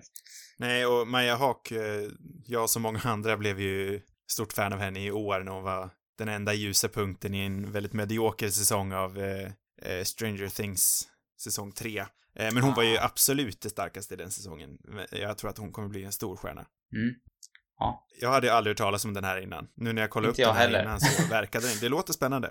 Potential. Ja. Var den superhet eller ljummen? Det är, så det är som sagt jättesvårt att sätta någonting, men jag känner mig mer het än, än ljummen på den i alla fall. Mm. Utan att veta så mycket. Min nästa film är en eh, som har haft ett eh, väldigt eh, upp och ner sving i om jag är taggad eller inte. För tillfället är jag inte direkt supertaggad kan jag säga på en gång. Eh, men med eh, de två regissörerna den hade innan så var jag verkligen taggad och det var ju Travis Knight och eh, Dan Trachtenberg. Två regissörer som eh, verkligen är några att hålla ögonen på. Travis Knight gjorde ju, har gjort eh, de flesta Laika-filmerna, stop motion-filmerna. Och han gjorde Bumblebee som var förvånansvärt bra och Dan Trachtenberg gjorde ju Ten Cloverfield Lane som var en jäkla dunderrulle. Mm, just det. Fy fan vad bra den var. Men de har hoppat av det här projektet och det projektet är ju Uncharted-filmen som haft fler regissörer än dem. För tillfället går ju ryktet att eh, Ruben, Ruben Fleischer som regisserade den förnämnde Venom ska ta över. Just det, han ligger väl också, vad är det han mer ligger bakom? Zombieland och ja, gangsterfilmen, vad heter den? Gangster Squad. Han är ju verkligen en hit or miss-regissör. Mest miss måste jag säga vid det här laget. ja, faktiskt. Han har hamnat där. Men Zombieland är ju... Han började starkt. Den tycker jag är underbar. Ja. Jag har sett någon mer film också, 30 minutes or less. Jag eh, kommer ihåg också var riktigt dålig. Ja, nej, att... den här filmen, jag har alltid varit skeptisk, men de två senaste regissörerna höjde ändå intresset lite grann och jag, jag kan ändå se att ska man göra en adoption så tycker jag faktiskt att det är roligare att göra det med en ung Nathan Drake. Så att man ändå låter spelen liksom vara för sig själv. Så jag har, jag har ingenting emot om eh, Tom Holland är Nathan Drake. Men, eh, Nej. alltså när så jäkla många regissörer har lämnat och de nu vänder sig till Ruben Fleischer som verkar vara den här go-to, fan det här har skitit sig, kan du inte bara komma in och få det här gjort? Han har liksom inga, han har inga krav, eller han har liksom... Nej, men det Han har inga problem med att smutsa ner händerna. Nej, det känns inte riktigt Ingen integritet, integritet kanske? Nej, precis. Och jag, jag, vet inte om Avia Rudd fortfarande är eh, attached till det här, men han har ju varit, han, jag har inte så mycket förtroende till han för tillfället. Han har gjort, en, en producent. Har... Okej. Okay. Eh, han har gjort, eh, bland annat har han gjort de tidiga Spiderman-filmerna. Han har gjort, eh, han var med, han har gjort, ja, de flesta, jag tror han gjort alla Spiderman-filmer upp till Homecoming. Han mm. var väl en av de stora anledningarna till att eh, Amazing Spiderman-universumet gick ner i soptunnan. Mm. Eh, jag tror faktiskt att han producerade Heat också, så man, ja, man kan inte klandra Avia Rudd helt och hållet. Han har gjort en bra film, en del bra filmer, men han känns, ah, jag vet inte om jag helt litar på hans, eh, eh hans val, hans kreativa val. Så Uncharted för tillfället, Nej. vi vet inte någonting om det mer än att det kommer vara en ung Nathan Drake med, eh, nu, nu säger de till och med att Mark Wahlberg ska spela Sully och det känns ju otroligt fel. Ja, han var ju tilltänkt som Nathan Drake i början av det här projektet också. Ja, precis. Men för tillfället så känns det här som en, eh, en totalt oinspirerad, påtvingad film som de fortfarande säger ska komma ut 2020, men det tvivlar jag på. Ska man kolla på IMDB nu har de faktiskt eh, bara, ja, det måste varit häromdagen bara de ändrat till 2021 faktiskt. Ja, de har gjort det nu? Ja. Inte, okay, jag ja. vet inte vad det är för, ja, om det är någonting man kan lita på, men det känns högst tveksamt. Fullständigt orimligt. Som inte ens har spelat, börjat spela in eller som inte ens har liksom knutit en regissör säkert ska komma ut. Ja, ja när, när jag skrev listan så var den fortfarande på 2020, men det kanske har ändrats nu och jag har sett att den är på många andras eh, 2020-listor också. Eh, men för mig är jag fullständigt ointresserad av den här, så den är iskall. Iskall och kylig. Mm, ja. Verkligen. kan bara hålla med. Jag tror jag kan ta, nu, för, nu har jag redan klagat på dig för att du berättar din, eller avslöjar din iskyla inför för filmer innan. Men jag tycker att jag, för att liksom spara lite tid här så kan jag liksom kombinera min iskyla inför två filmer på lite Okej. samma spår. Mm. Eh, det är regissörerna Guy Ritchie och Matthew Vaughn, de gamla, eh, ja men kamrater, de samarbetade. Matthew Vaughn eh, producerade väl Guy Ritchies tidiga filmer. Mm. De filmer som jag respekterar honom för. Ehm, Snatch och vad heter den? Lock, Stock and Two Smoking Barrels och så vidare. Ehm, båda de två i alla fall eh, två fullständigt ointressanta filmer för mig som kommer ut eh, i år. Guy Ritchie med eh, någon sorts försök att återgå till gammal glans med filmen The Gentleman. Eh, som är, efter han har gjort en massa konstiga val så försöker han gå tillbaka till den här, vad ska man kalla det, gangsters i London-genren. Ja, men där han började i alla fall. Ja. Eh, med någon sorts skojig historia. Det är väl bara det att han har på något sätt fullständigt tappat all eh, autenticitet tycker jag och charm som han hade när han började. Han har liksom blivit en gammal tråkig man som mest går igång på cash, är min känsla.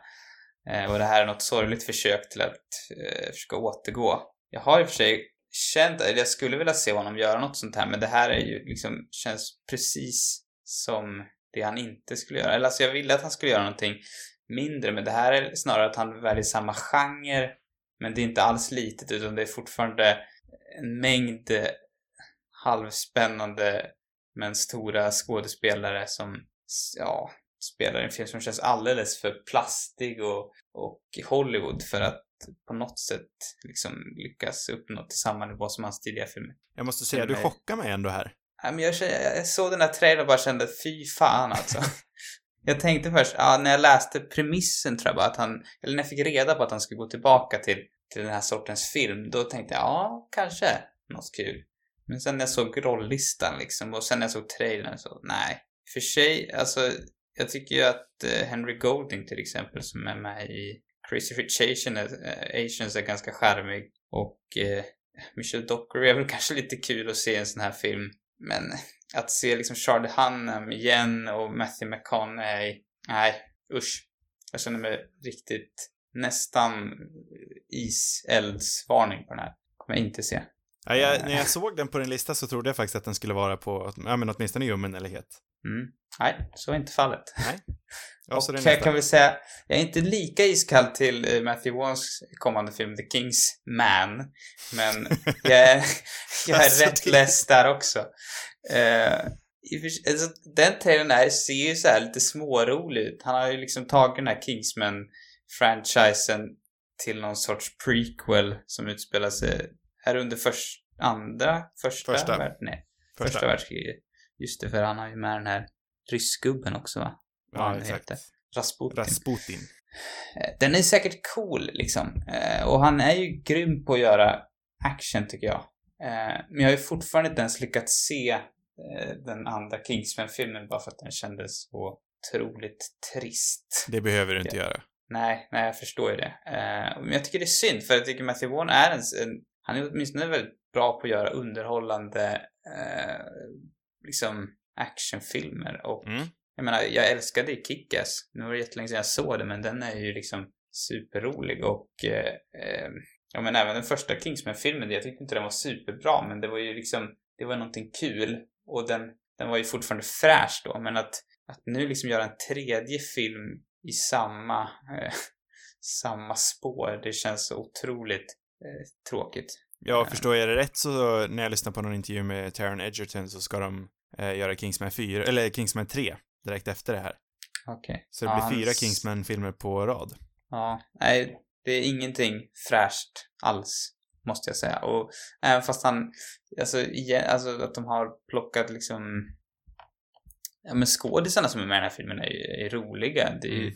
Ralph Fiennes i någon sorts, ja men rätt cool roll ser det ut som. Det, det verkar ju spännande och det är liksom andra roliga, eh, men det är många. Tom Hollander, min favorit från Pirates-filmerna, är också med i den här filmen. Jag vet inte hur stor hans roll är, men det är liksom, det är verkligen inget fel på, på, på castingen, men han hade gärna fått gjort någonting nytt, tycker jag. Ja, ja jag håller med dig. Det är trist att, eh, jag håller med dig om att Matthew Vaughn är en rätt spännande regissör ändå. Det är tråkigt att han bara gör, alltså det är ju inget fel att han fortsätter göra Kingsman-filmer, men det är tråkigt att det är det enda han gör. Ja, jag tycker det. Det här känns, det här känns som filmer eh, ja, men det känns, alltså det, det, man är van att se det här att man, man fortsätter utnyttja en framgångsrik franchise.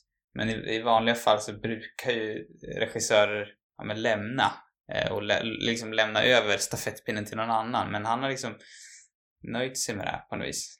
Eh, han känns precis lika lat och kåt på pengar som hans gamla kompis Guy Ritchie. Så jag vill ge båda de två en riktig dänga, känner jag. Britthat från brittälskan. Mm, tyvärr. Eh, min nästa film är en utav, en av dina favoriter. Mm, eh, jag vet, spännande. det har blivit det här nu på det senaste året tror jag väl, och det är ju Armando Iannuccis film The Personal History of David Copperfield. Just det. Mm. Eh, jag är själv inte superbekant med Armando. Jag har sett eh, första säsongen av VIP. Eh, det är väl egentligen det enda. Men eh, jag tycker, jag älskar faktiskt boken David Copperfield. Jag tycker Mm. den är superbra. Det är en eh, av få sådana här eh, böcker man blir tvingad att läsa i skolan som jag eh, verkligen blev hooked i liksom. Det kändes, man kan ju läsa bra böcker där men det blir någonstans ändå en, eh, en chore att göra det. Det blir påtvingat på något vis. Men här så eh, njöt jag varenda sekund. Och eh, Mm. med Dev Patel som huvudroll, jag älskar Dev Patel så det är bara kul att se han eh, jobba mer. Och jag för mig att rollistan i övrigt också är väldigt, väldigt bra. Så jag är supertaggad på The Personal Hist- History of David Copperfield. Mm. Så Ja, den är nej, men- superhet för mig. Ja, jag fattar. Eh, jag vet inte vad jag känner inför den här egentligen. Eh, jag väl inte jätte... Jag vet inte vad han har gjort mer för någonting, Arman, men... han- Eller jag har ju sett eh, eh, Death of Stalin också. Men det är ju framförallt Weep jag liksom verkligen gillar. Eh, och det här känns... Det känns ganska långt ifrån Weep på något vis. Men, Mm. men det, jag kanske har helt fel. Eh, eh, det känns inte riktigt som hans stil att göra den här, men, men det är också svårt. Jag, jag vet knappt om jag har sett den här trailern heller, så jag, jag ska inte säga så mycket. Men det är det Ehm, som känns rätt kul, att han ger sig in i något sånt Ja, som i skulle för kunna sig, vara det, det är sant. Det, det har du rätt i. Är det några Weep-skådisar som dyker upp? Vet du det? Eh, var Peter Capaldi någonsin med i VIP, eller? Nej. Nej, det är Dev Patel, Hugh? Laurie, Tilda Swinton, Peter Ja, Capaldi. Hugh Laurie är ju med, såklart. Ja, han är det. Han är ju med rätt mycket faktiskt i Ja. Weep. Han, jag vet inte vilken säsong han kommer in. Kanske är en bit, kanske är säsong två eller tre. Eller något sånt där. Men sen är han ju med lite då och, det, då, och då faktiskt. Mm. Ja, nej, jag, Ben Whishaw är med, nu ser jag här nu. Benedict Wong. Ja, nej, jag är supertaggad. Jag, jag älskar som sagt boken och det är mest det jag bygger på. Ja, nej men det kan säkert vara spännande. Ja, jag kan slänga en till som är ganska nära till hans eh, och i USA 2019-film. Det är ju Uncut Gems. Mm. Adam Sandler-filmen av The Safdie Brothers. Eh, som, ja, alltså efter min kärlek till Adam Sandler har på något sätt växt. Jag tror jag har nämnt flera gånger, men, men eh, liksom verkligen växt till att och, en, mer eller mindre älska honom. Och jag tycker att, att han gör en, en till seriös roll känns väldigt spännande. Sen tycker jag också själva premissen om en, en eh, juvelerare eh, som, ja, men i, i New York eh, som håller på att göra bort sig hela tiden. Jag vet inte, som liksom ska balansera någon sorts eh, ja, massa, han har någon sorts skulder och jag vet inte, allt möjligt. Familj och business. Eh, det känns som en bra kombo. Ehm, Sen har ju inte jag sett eh, deras eh, Safdie-bröderna, deras tidigare film Good Times. Good Time kanske den heter. Men båda de här filmerna har i alla fall blivit väldigt väl mottagna. Eh, och jag ska nog försöka kolla så snabbt som möjligt på deras tidigare innan Uncut Gems dyker upp på Netflix. Som jag Mm. tror den gör i slutet av januari va? Just det, det är en Netflix-film. Ja, det är, det är väl en... Ja, det räknar man det verkligen som en Netflix-film? Det är väl mer Eller Netflix kommer har är det en Europa-Netflix-film? Ja, eh, det är A24 som har gjort filmen. Eh, det kan det vara för sig ändå, men... Men Ja, nej, det är jag tror att Netflix Netflix-film. Europa har köpt upp den bara med. Så är det. Så jag tror inte att det räknas som en, Nej. som en Netflix-film, utan den har ju gått på bio i USA utan någon När kom den, sa du? Jag vet inte när den kommer i Sverige. Jag tror att den kommer ganska snart. Eh, Fast den vart ju inte- kom den... Den vart ju inte nominerad till någonting heller, så det är ingen panik hos den. Jag tänkte om man hinner se den innan Oscarsgalan, men den vart ju faktiskt inte nominerad till något. Nej, jag tror inte den, jag tror inte den kommer komma på bio i Sverige tyvärr. Eller jag Nej. vet inte, kanske den gör men, men jag tror den går direkt till Netflix. Ja, nej, jag, den är inte med på min lista, men jag håller med dig. Den verkar superspännande. Egentligen, jag tror inte ens jag sett en trailer till den, men det är ju fruktansvärt kul när, Adam Sandler spelar mer seriöst. Ja, och sen är också Lucky Stanfield med i den här filmen och han är Ah. väl en av mina favoriter eh, de senaste åren så att det, jag vet inte hur stor roll han, eller hur stor hans roll är men hyfsad tror jag i alla fall. Den verkar kul. Mm. Ja, nej, jag håller med dig. Jag har hört att den ska vara riktigt stressande också så det låter ju intressant. Vaknar man upp lite i, i Netflix-soffan. Ja, ja, det kanske inte är det där problemet att man liksom pausar mitt i. Nej, precis. Kanske, kanske man inte klarar. Man måste se allting på en gång. Ja, känns som det. Min nästa film är, det var en total chock för mig. Eh, Jag brukar försöka kolla på de flesta trailersna som dyker upp, även om jag inte vet någonting om dem. Och så var fallet för den här.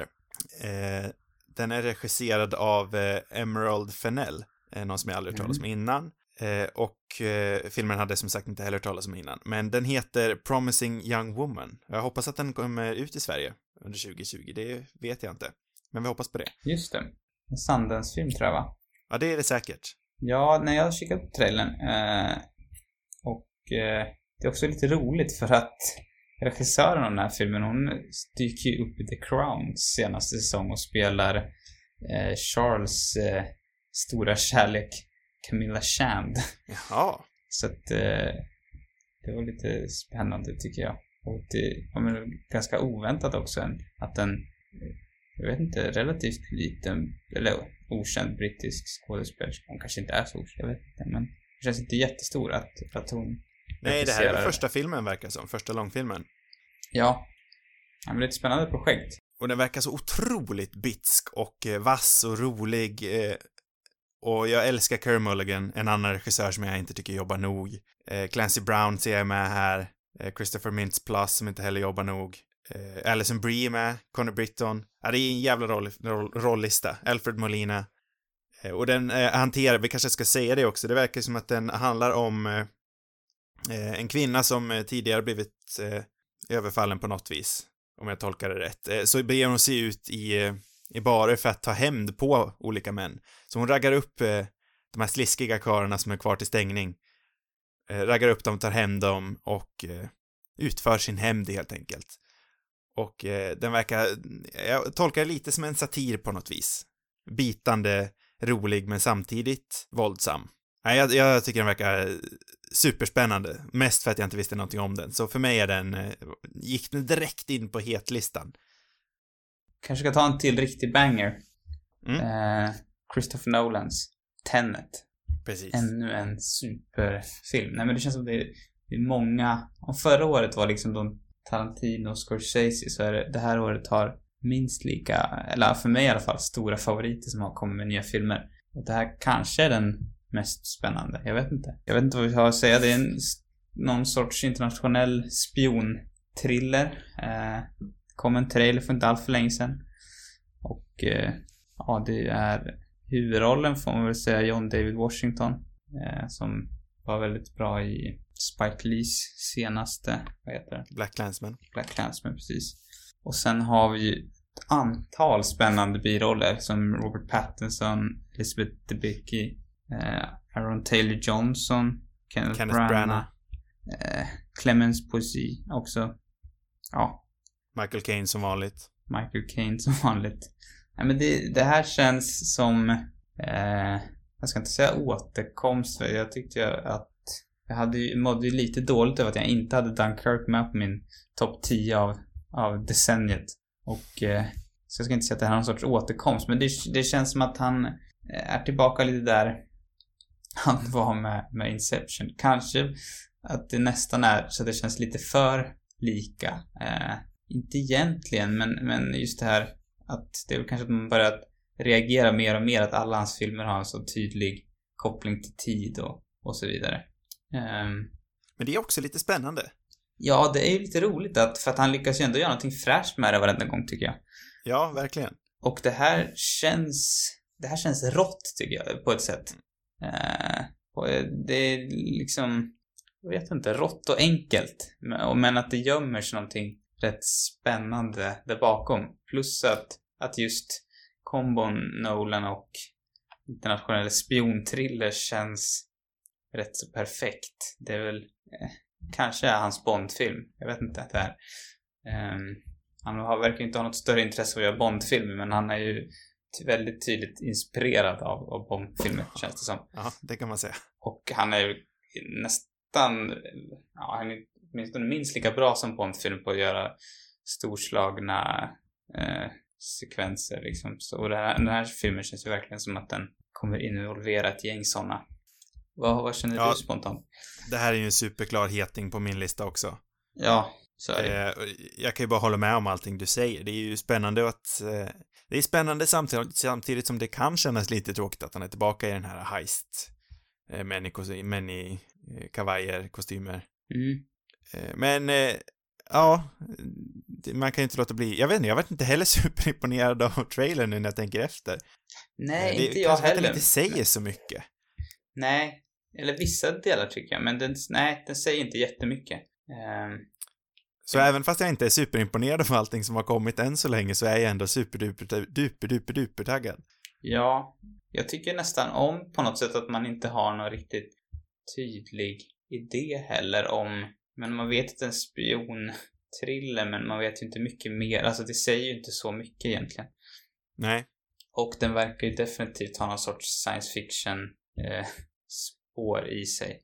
Eh, ja, ja. Så att det är ju, ja, nej, det, det känns känns eh, ganska trevligt att man inte vet så mycket och att man kanske inte känner för mycket heller liksom. Att, att det inte är en trailer som avslöjar för mycket. Och så tycker, det som jag tycker är roligt med den här också, det är det han har liksom det är stora stjärnor egentligen, men de känns fortfarande ja, som att de är, de, är, de, vad ska man säga, de, de är fortfarande på väg uppåt att bli ännu större stjärnor.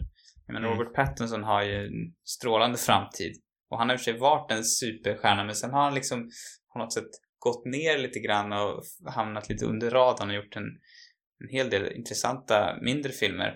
Mm.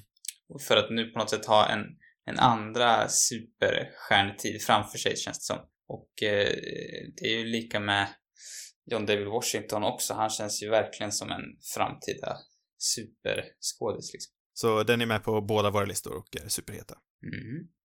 Eh, min eh, nästa film är, eh, här kommer en till svensk film, och det är Charter av Amanda Kennell. Just det. Jag såg ju faktiskt aldrig Samenblod, men ändå är jag faktiskt väldigt taggad på den här. Jaha, det, det är inte det. Nej, jag har ju tänkt se den väldigt länge.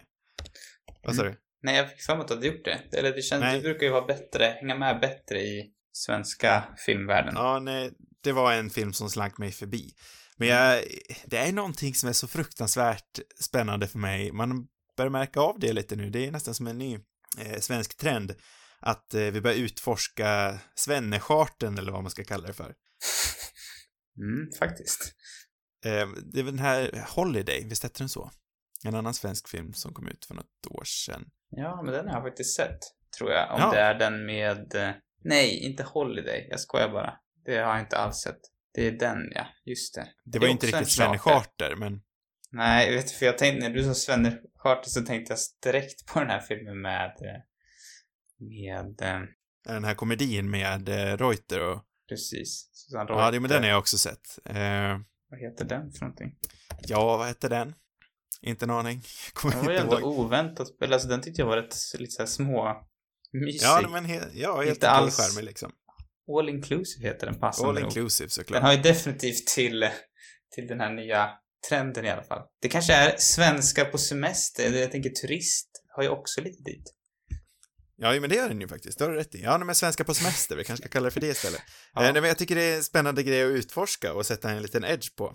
Mm. Inte bara liksom göra en, en resekomedi som vi är vana vid vid det här laget, om man tänker på eh, Sällskapsresan och eh, liknande filmer.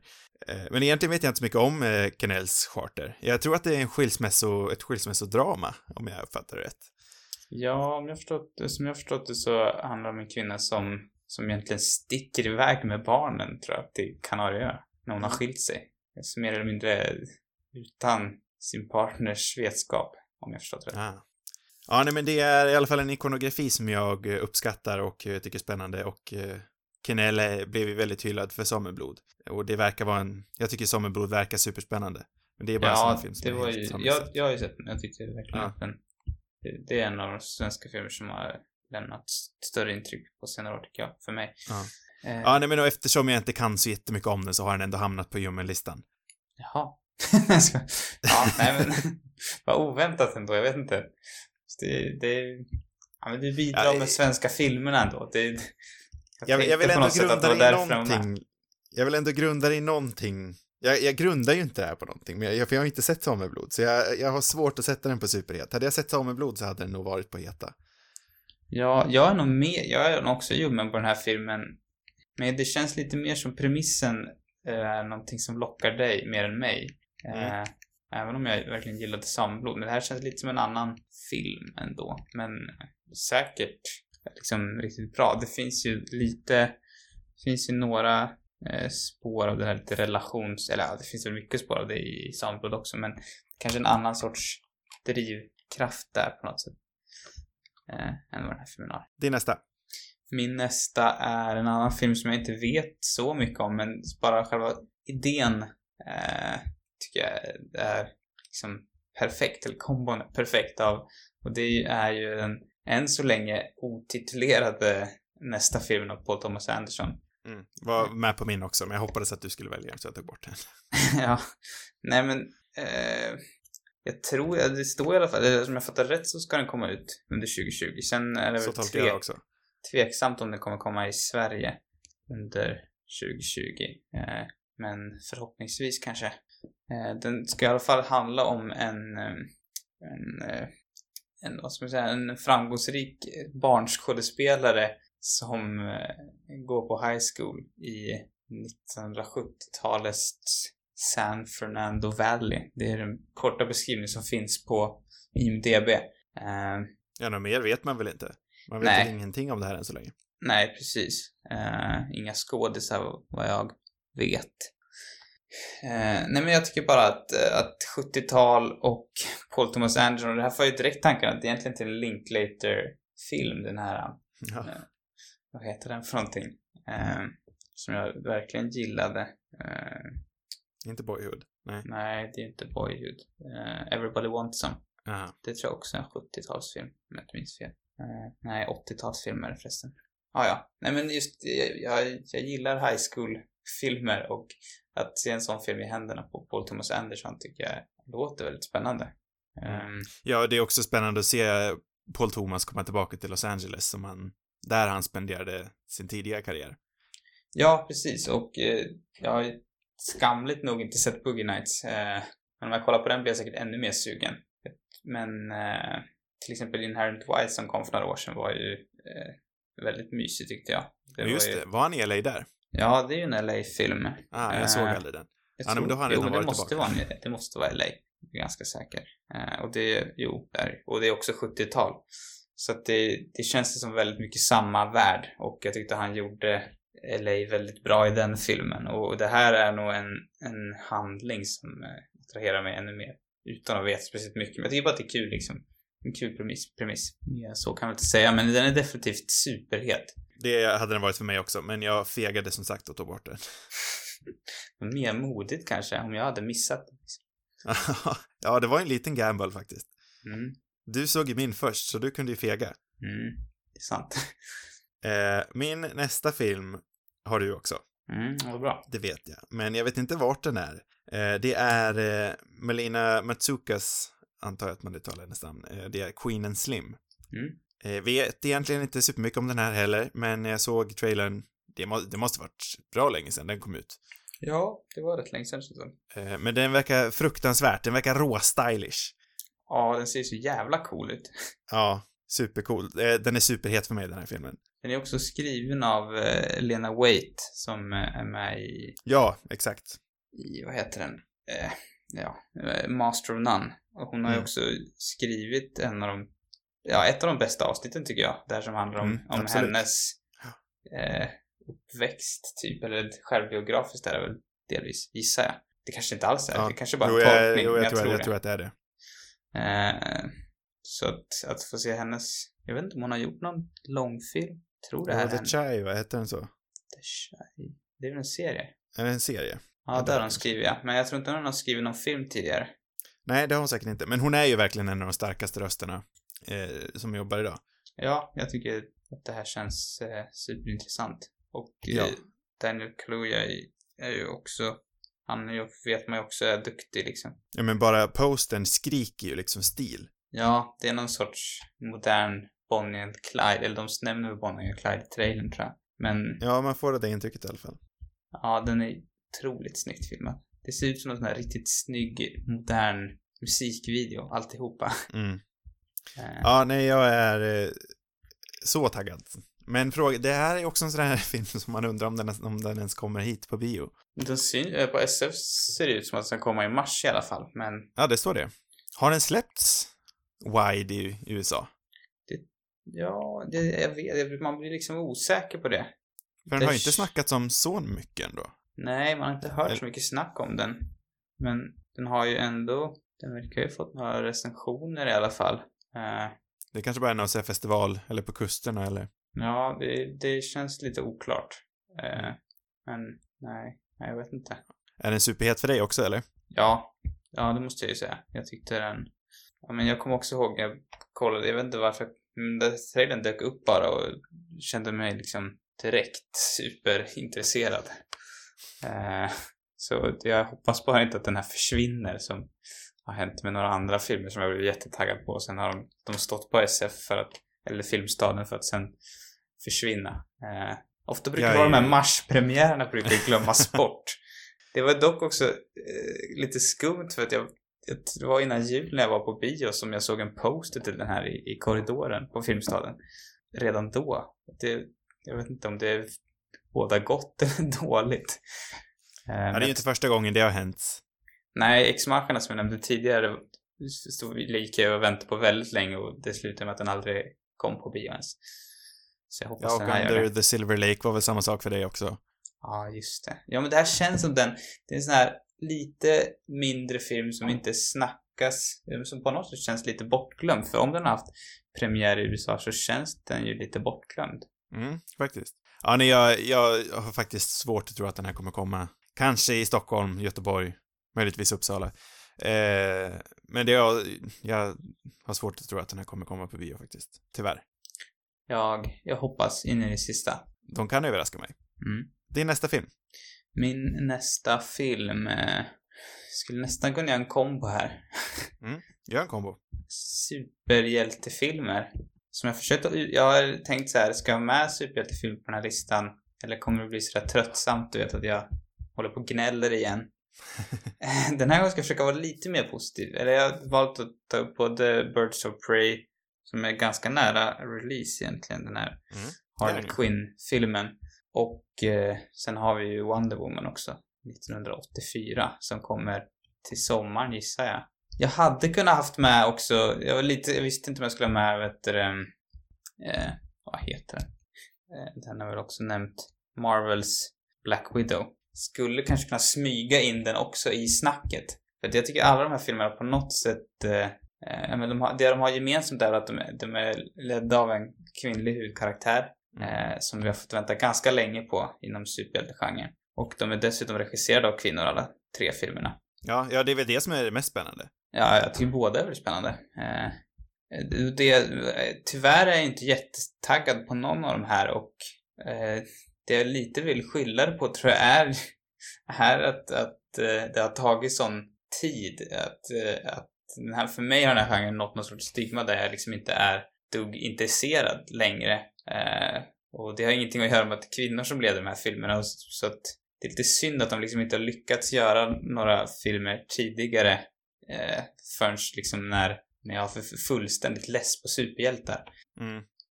Ehm, sen är jag fortfarande relativt sugen på Wonder Woman för jag tycker, även om inte jag var superfan av den förra så tycker jag den ser ut att vara rätt underhållande liksom. Eh, och, ja men jag vet det sticker ut lite även fast det är väldigt mycket lever på samma liksom eh, ingredienser som många andra superhjältefilmer.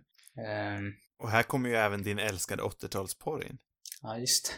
Jag är nästan så jag varit besviken på att det inte var mer 80-talsporr i den här trailern. Jag vet Ja. att du inte var, du tyckte det var positivt. Jag tycker Ja, kanske jag, också jag, det. ja, jag uppskattar att det inte var så mycket 80-talsporr. Men på något sätt är det den här liksom nostalgiporren som kan, som har lite räddat superhjältefilmer för mig på senare år. Jag tyckte att den här Thor-filmen var rätt skoj och den var ju definitivt 80-talsporrig. Ja.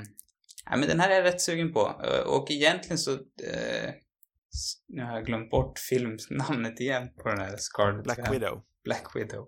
Jag tycker egentligen om Scarlett Johanssons Black Widow. Ehm, men, och jag tycker mycket med den ser rätt coolt ut. Eh, framför, alltså, framförallt det lite småskaliga och jag tycker att det är roligt att, ja men det är en bra cast ändå med, eh, med Florence Pugh och eh, Rachel Weisz.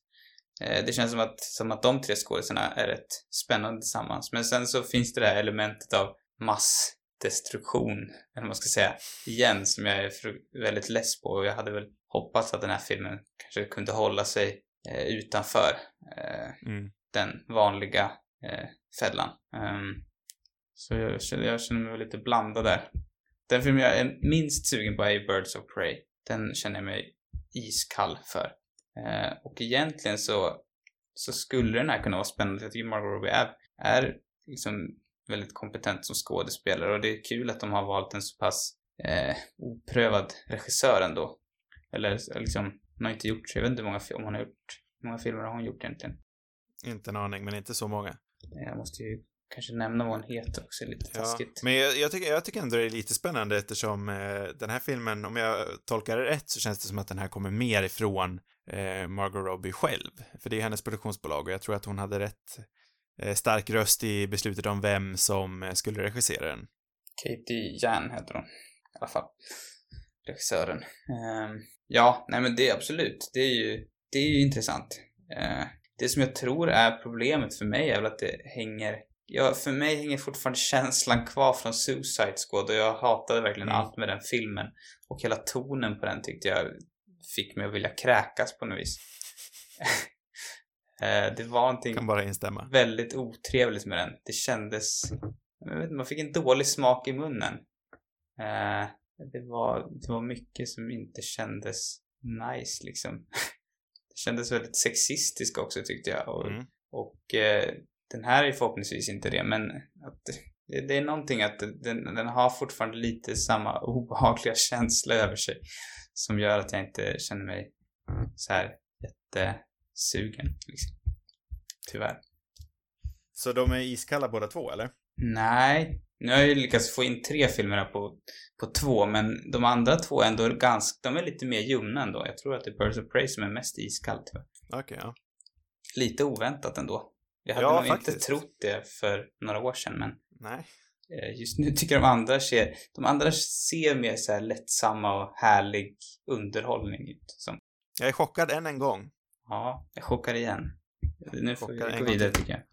Eller inte, det är spännande att höra vad du tycker i och för sig. Det, det, vad, alltså, vad du spontant? helt ärligt så, eh, såklart jag övervägde jag att ta med dem på listan. Mm.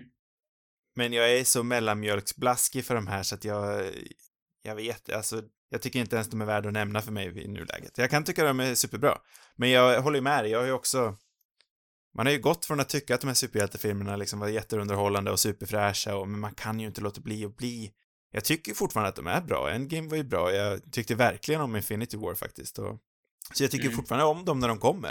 Mm. Men jag kan ju inte säga så, tagget inför dem har ju helt försvunnit. Mm. Ja, men visst är det ändå trist när, när, men jag tänker liksom att det tar sån tid för de här kvinnliga karaktärerna att få en egen film. Att det känns jäkligt trist att, att hypen är borta när det väl händer. Sen är Ja. det många andra där ute som inte alls verkar känna så, så att det är ju positivt.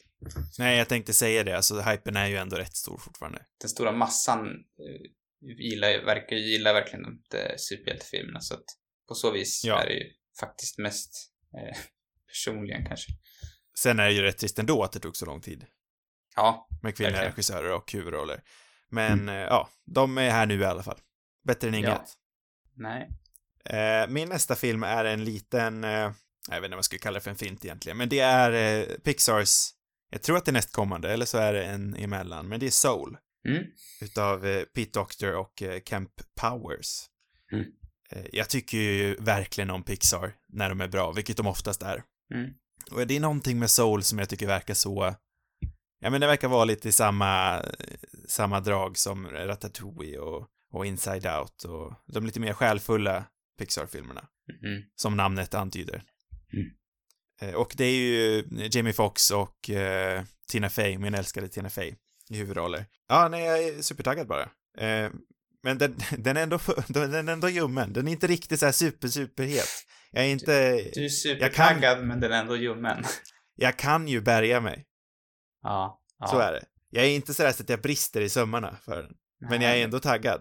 Det är kul ändå att du säger supertaggad, men den är fortfarande Ja. ljummen. Jag har ju en tendens att slänga lite med orden ibland, va?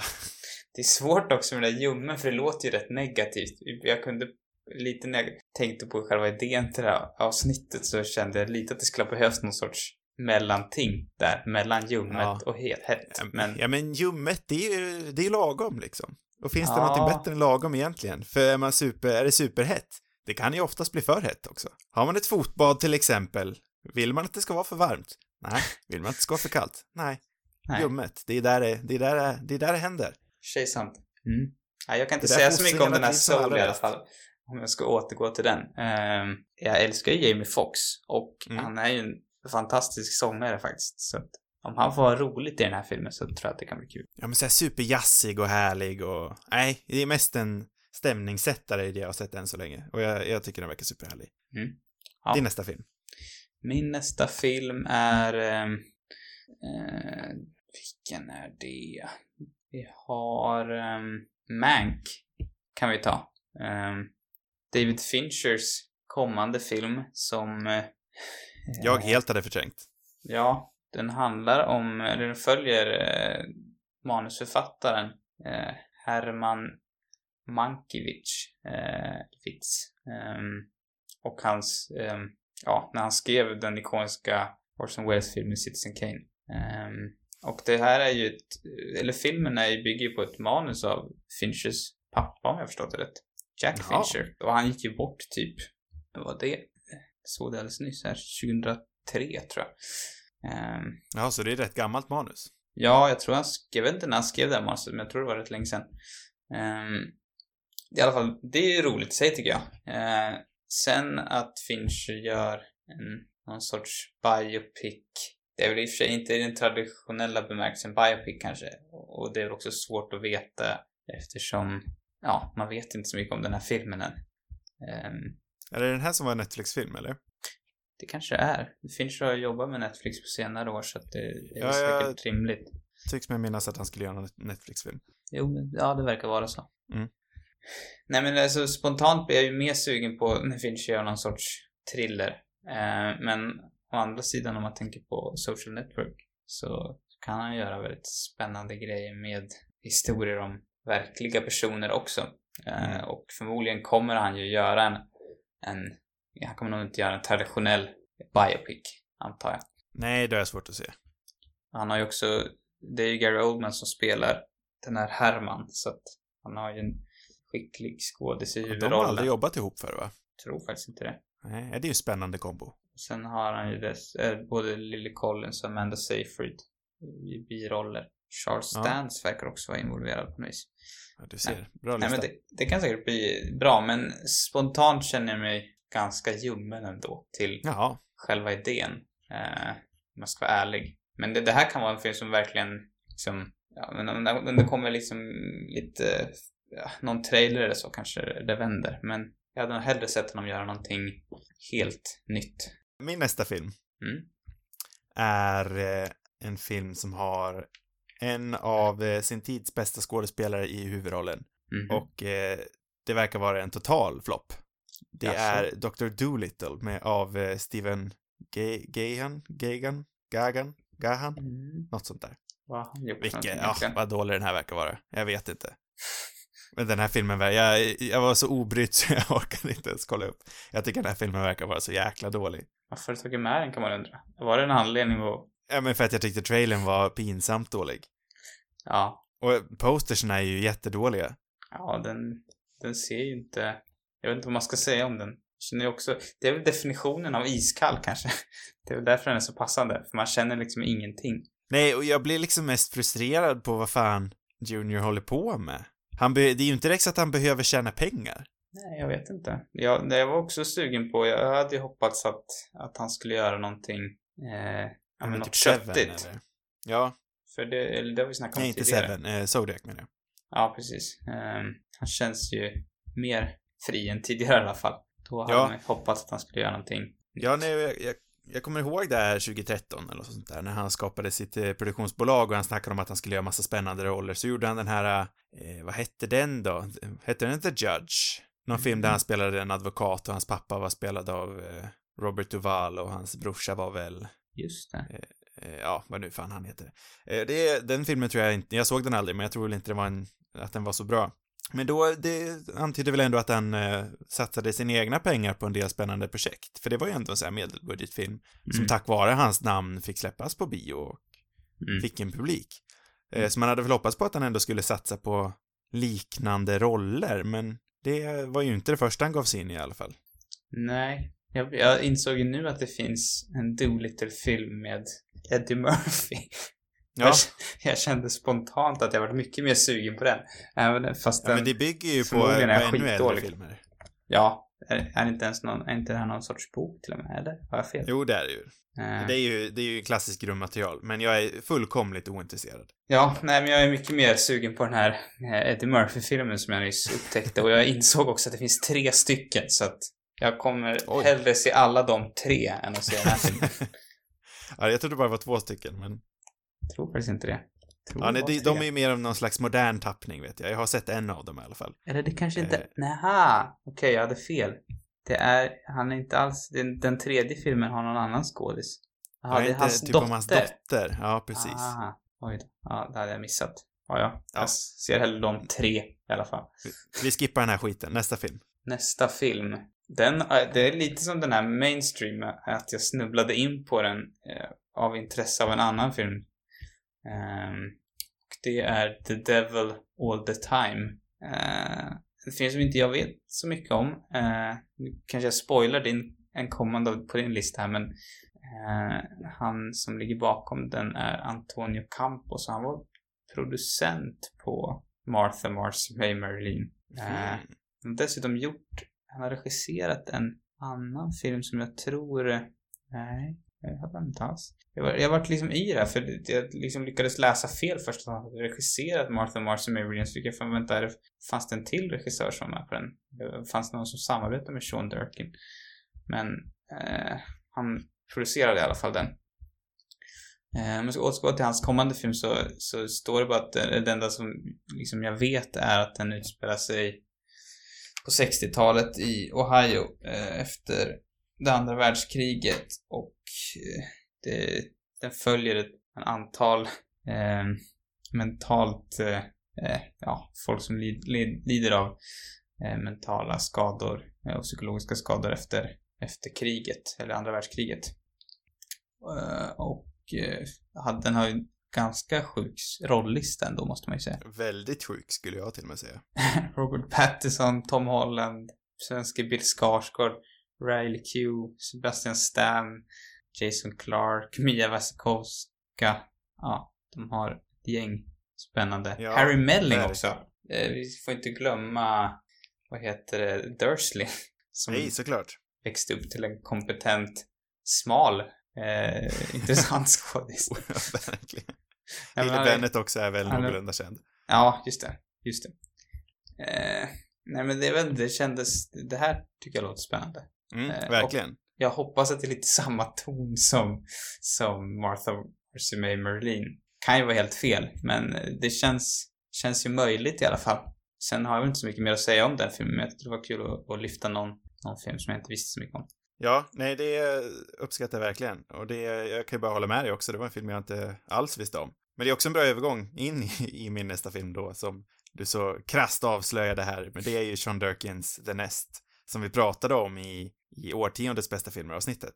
Ja, och den ville ju jag också ha med med listan, men den, den, där tänkte jag, nu tar jag en annan istället. Jag förstår. Ja, det är ju nu nio år sedan Martha Marcy May Marlene kom ut. Eh, och jag tror, han har inte regisserat någonting sedan dess va? Nej, det tror jag inte.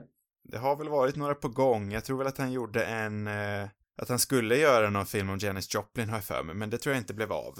Eh, men den här filmen har ju... Eh, han har producerat en del filmer. Ja, det har han gjort. Och det står det, faktiskt det... nu att han ska, att han announced som regissör av den här Janis. Ja, jag vet inte vad det är som håller uppe den, men nu har han i alla fall gjort den här filmen med eh, Jude Law och Carrie Coon. Två mm. fantastiska skådespelare. Eh, och den verkar ju handla om, eh, det verkar vara någon slags, vi vet knappt någonting om den om jag förstår rätt, men det verkar vara någon slags eh, twisted eh, kammarspel i en English country manner, står det här. Mm. Eh, och ja, kammarspel med de här två skådisarna kan ju knappast bli bättre med en regissör som verkligen också har ton för det här psykologiska och spänningen i det. Jag vet inte heller så mycket om den här filmen, men eller det är väl ingen som gör, men Nej. jag tycker det känns ju, ja men just det, han som regissör känns ju superspännande. Och också, efter, ja absolut, Carrie Coon vet inte om jag har sett någonting men Jude Law är ju en av mina favoriter. Ja, just det. Nu, nu minns jag. Det är sant. Inte den största rollen, men du har sett den. Ja, hon är väl med, jaha, hon är med också i The Post ser jag nu. Ja, precis. Hon har gått lite under min radar tror jag.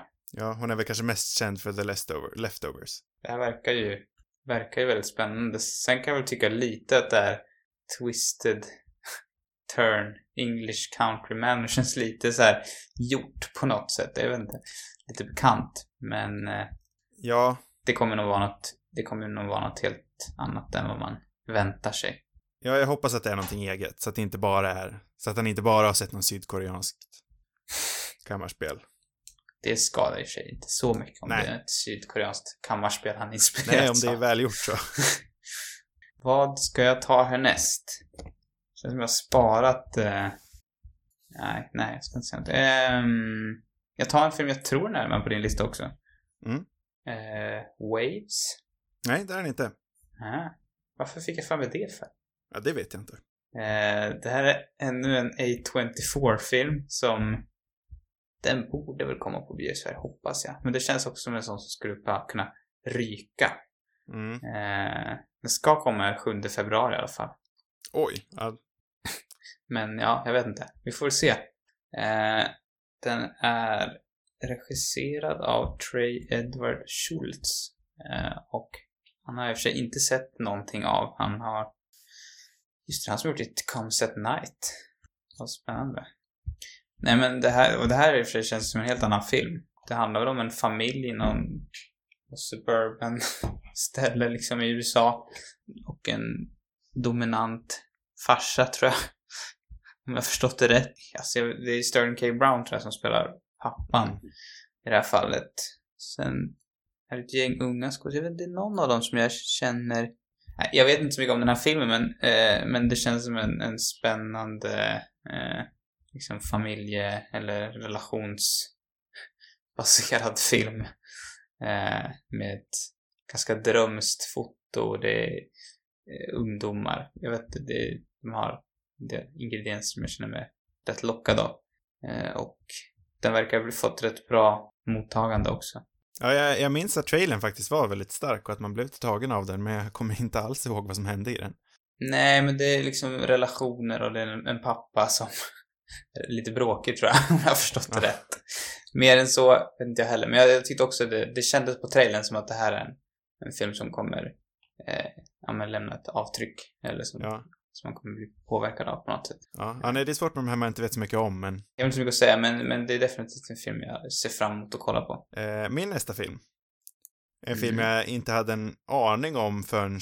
Eh, ja, det var i måndags jag fick reda på den. När du och jag gick och såg på Parasite på bio.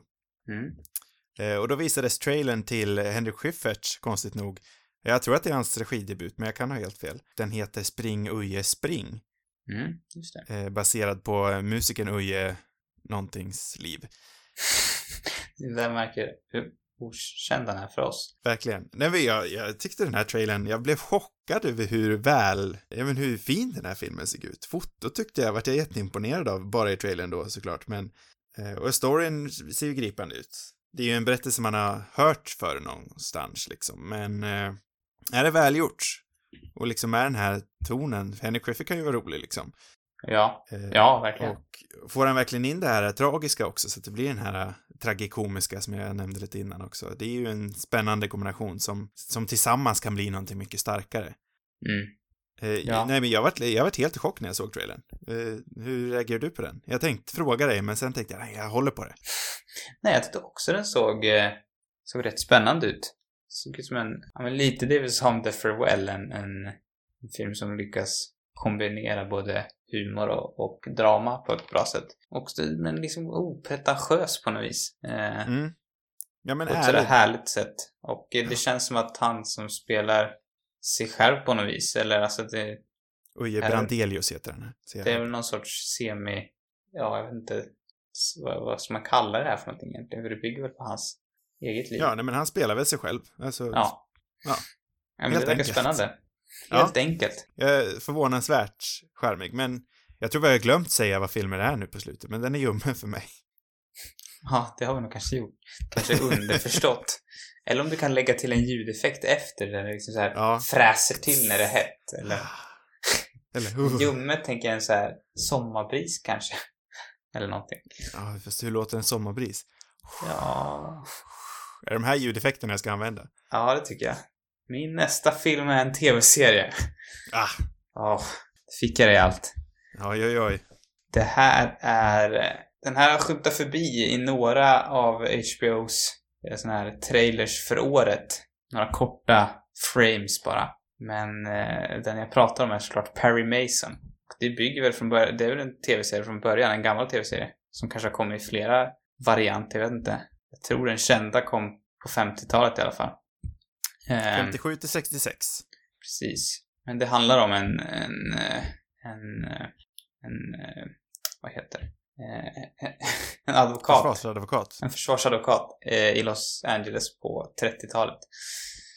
Eh, Och just det är ju, tycker jag, är en väldigt spännande setting.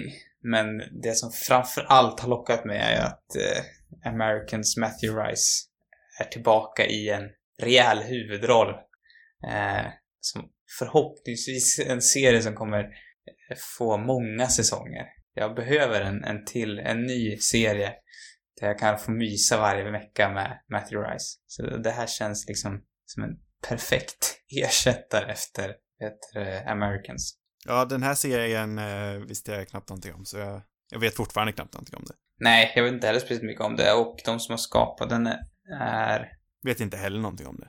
Ron Fitzgerald verkar ha gjort, eh, Eh, han verkar ha jobbat, gjort något avsnitt på Westworld, eller skrivit något avsnitt.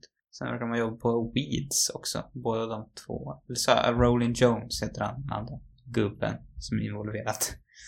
Ja, nej, jag vet inte heller så mycket. Det, alltså, det är inte några egentligen jättestora namn, tror jag, i de andra rollerna. Men det tycker jag också är lockande på något sätt.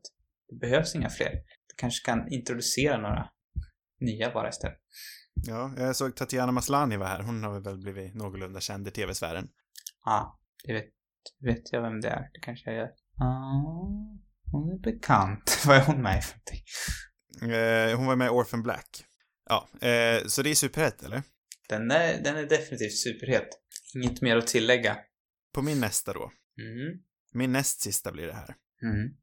Eh, då kan vi välja, ja men vi väljer Weathering with You, Makoto Shinkais nästa film. Och han gjorde ju eh, en av årtiondets bästa filmer, enligt mig, eh, Your Name. Och det här är en annan Just film, det. återigen, som jag inte vet så mycket om. Eh, men om jag förstått det rätt så är det någon slags klimat, eh, klimatkrisfilm. Mm.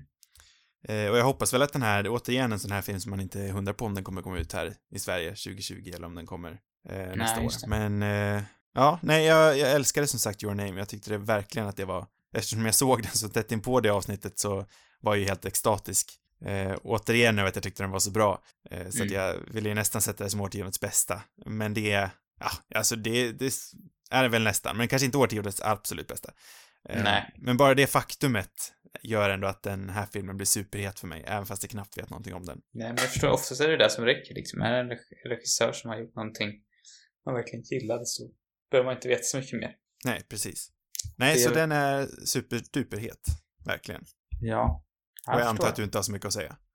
Nej, jag, nej, jag kan- har inte så mycket så jag kan ha ingen möjlighet att uttala mig. Det ska vara om det vänder här, min eh, anime-trend. eller vad man ska kalla det. Det kanske ska bli årets uppgift för mig. Vända ditt anime. Jag har inte sett en enda anime-film, så att det kanske är dags nu. Du får tvinga på, på mig en helt enkelt. Jag ska vända på det. Så den här, det kanske blir, det kanske blir jättehett den där, inte vet jag, men eftersom jag just inte har något intresse för det så kan jag nog säga att den är ganska kall för mig. Taskigt nog. Jag förstår. Jag har liksom slutat med den största, eh, kanske den eldigaste av dem alla. För Wes Anderson har ju faktiskt en ny film som kommer någon gång under året. Jag skulle har den. gissa att den kommer i slutet av året för de har inte, den har inte fått något datum än. Nej, men de vill säkert tajma in det med Oscars. Ja, det känns som det. Jag tror också det. Och den här, till skillnad från hans förra som jag inte var jätte eh, över, så känns det som den här har liksom träffat rätt på allt, mer eller mindre. Han har, framförallt så är ju Jason Schwartzman med igen. Tillbaka. Nej, han kanske var med i förra också i och för sig. Någon liten roll. Det är han också i den här filmen förmodligen. Men, Eh, nej, men det som är det stora för mig är väl att för det första att det är en, en, en inte är en stop motion film till. Och eh, bara själva handlingen som, ja den här filmen ska utspela sig i Frankrike eh, efter andra världskriget. Och eh, utspela sig på en, amer- en amerikansk tidning. Eh, och mer än så vet man väl inte. Men just kombinationen franskt, jag skulle gissa 50-tal kanske. Och eh, amerikansk tidning och ja, det känns som en perfekt kombo med Wes Anderson. Ehm, Ja, återigen en jävla rollista som han brukar ha. Ja, igen. Alltså det känns superkul att Timothée Chalamet eh, får skina i den här filmen. Han, han, om han inte redan har haft ett superår så är nästa år ännu värre, känns det som. Han är, börjar nästan inte bli omöjlig att undgå. Ja. Eh, och sen Saoirse Ronan får komma tillbaka igen och hon är ju också helt fantastisk tycker jag. Eh, så det blir tröttsamt att liksom räkna upp alla, men jag älskar ju mer eller mindre alla som har fått en roll i den här. Eh, och Owen Wilson verkar ska vara tillbaka. Jeffrey Wright dyker upp. Det är kul tycker jag. Mm. Eh, Bill Murray. Bill Murray. Också den här killen som är med i, eh, i The End of the Fucking World. Eh, Alex Luther har tydligen en liten roll. Han är rätt rolig. Nej, jag har inte sett klart på The End of the Fucking World av någon konstig anledning. För jag gillade det jag såg men jag slutade, eller jag slutade kolla bara helt plötsligt. Han är rätt rolig i alla fall. Ehm, Ja. Ja, sen är det de gamla vanliga. Ja, han har ju Eh, sin ensemble. Ja, har du sett hans, såg du Isle of Dogs ens? Nej, jag såg aldrig den. Det säger kanske en del. Ändå. Du var inte heller jättesugen. Nej. Nej, sen är ju, alltså jag, jag gillar verkligen Wes Anderson, men jag är ju inte det Wes Anderson, Wes Anderson superfanet som du är. Nej, nej, Du är ju nästintill en fantast. kanske. Jag vet inte. Det Jag tycker inte jag vad det vi kan säga. betyder. Vi får säga det. Ja, nej men jag är bara superglad att, att han gör någonting som lockar mig verkligen. För jag tyckte det var så tråkigt med förra filmen. För då kände jag, jag kände ingen hype innan. Och jag lämnade den visningen ganska tom. Ja. Inte för att det var en dålig film, men den, eh, ja, nej, den lämnade inget större avtryck på mig. Nej, jag hade inget vidare. Det var ingen som drog mig till att se den faktiskt. Nej, det var en ljummen film helt enkelt. Det var en ljummen film. Men den här, den är supergött. Den här, den här bara glöder om. Glödhet. Mm, vad Ska vi gå erbjuda? vidare på min glödhet då? Ja. Det vi kanske inte, nu tänkte jag inte att jag kanske skulle spara ett årets mest, eh, eh, den jag ser mest fram emot. Eh, men frågan är, den är nog högt uppe ändå. Mm, spännande. Det är en regissör som vi tyvärr glömde prata lite om eh, på eh, årtiondets bästa. Mm. Och det är ju Edgar Wrights nästa film, Last Night in Soho. Just det. En, eh, en ny, eh, han återkommer till, eh, till London Mm. med den här nya, han har ändå, han har utvecklat sin stil något otroligt tycker jag ändå. Han är, nu har han en helt, han har alltid haft en egen stil men nu är den verkligen liksom raffinerad och eh, säkrare än någonsin. Mm. Så det ska bli spännande att se en skräckfilm dessutom från honom. med eh, Anya Taylor-Joy, som eh, verkligen blivit en stjärna på senare år. Diana Rigg, som är svårt, svår att inte älska. Terrence Stamp. Båda Weasley-tvillingarna ser jag nu är med. Jaså, det är Ja. roligt. Ja, och som ett manus för hon som nu är Oscars-nominerad för eh, 1917, Christy Wilson Cairns. Ah, intressant. Ja, nej, så bara liksom en Edgar Wright-skräckis i ett stylish London. Jag tycker att jag har hört att den är någorlunda, jag kanske har missuppfattat, men jag har för mig att han har sagt att den är lite inspirerad av eh, eh, Rosemary's Baby till exempel. Oj, den utspelar sig på 60-talet läste jag nu. Jaha, gör den? Jag trodde det var nutid. Nej, men det är Eller- den, står nu. Jo, sex, jo Det- 60-talets London. Det verkar, fast det kanske är någon sorts, det står att det står mysteriously able to enter 1960s. Vad innebär det? Det Ja, låter titta. science fiction. Ja, men det verkar ha någon, någon slags twist. Nu vart jag genast mycket mer taggad. Jag, var, jag kände mig lite ljummen för den här av någon anledning. Men sen är ju inte jag lika... Jag gillar ju Edgar Wright verkligen, men du... Du känns... Du, om det är någon, om det, du ska vara den... Eller du är ju den fantastiska här, eller vad du kallade mig för. någonting. En fantast. En fantast. Du är fantasten i det här fallet. Ja, jo, men det skulle jag faktiskt. Det tar jag faktiskt på mig. Eh, jag, det är en stor sorg för mig att jag inte nämnde Scott Pilgrim vs. The World på eh, tiotalsavsnittet. Glömde du den eller? Eh, ja, det kan jag väl faktiskt säga att jag gjorde. Den kom Ja. ut så tidigt. Jag tänkte att det var en 2009-film, men det var en 2010-film. Ja, det är lätt hänt. Eh, Matt Smith är med i den här filmen ser jag nu också. Ja, nej, men Ja. bara, bara konceptet liksom med, med en, eh, ja nu när vi hör att det är en 60-talsfilm dessutom, i London. Ja, det lät faktiskt riktigt coolt. Ja, och jag, jag är bara taggad liksom att se Wright komma tillbaka till England. Han har faktiskt inte varit där nu sedan 2000, eh, var det 12 World's End kom ut. Ja, något sånt skulle jag gissa. Men då var han ändå inte i London. Det var länge sedan han var där. Han har ju Mm. i eh, Cornetto-trilogin till exempel hållit sig i andra städer i Storbritannien. Ja, Ja. nej, så den är jag supertaggad för. Ja, om man ska jämföra honom med de två eh, engelska herrarna vi snackade om tidigare, Guy Ritchie och Matthew Vaughn, så känns Edgar Wright inte som någon man behöver oroa sig att han inte kommer komma med någonting fräscht. Nej, precis. Den här Eh. grabben, han utvecklas. Ja, men det känns som det. Jag var ju inte, jag tyckte Baby Drive var kul, men jag var ju inte jättefascinerad av just den. Men den var ju verkligen någonting helt annat än vad han hade gjort tidigare. Så det har väl varit fallet med alla hans filmer. Ja, men precis som eh, Wes Anderson så har ju verkligen Edgar Wright en helt egen stil. Ja, och sen det är också kul att, för han, ja men han känns ju som en, eh, eller han är väl en sjuk cineast själv också, så att han, han är alltid intressanta, eller intressant inspiration till sina filmer.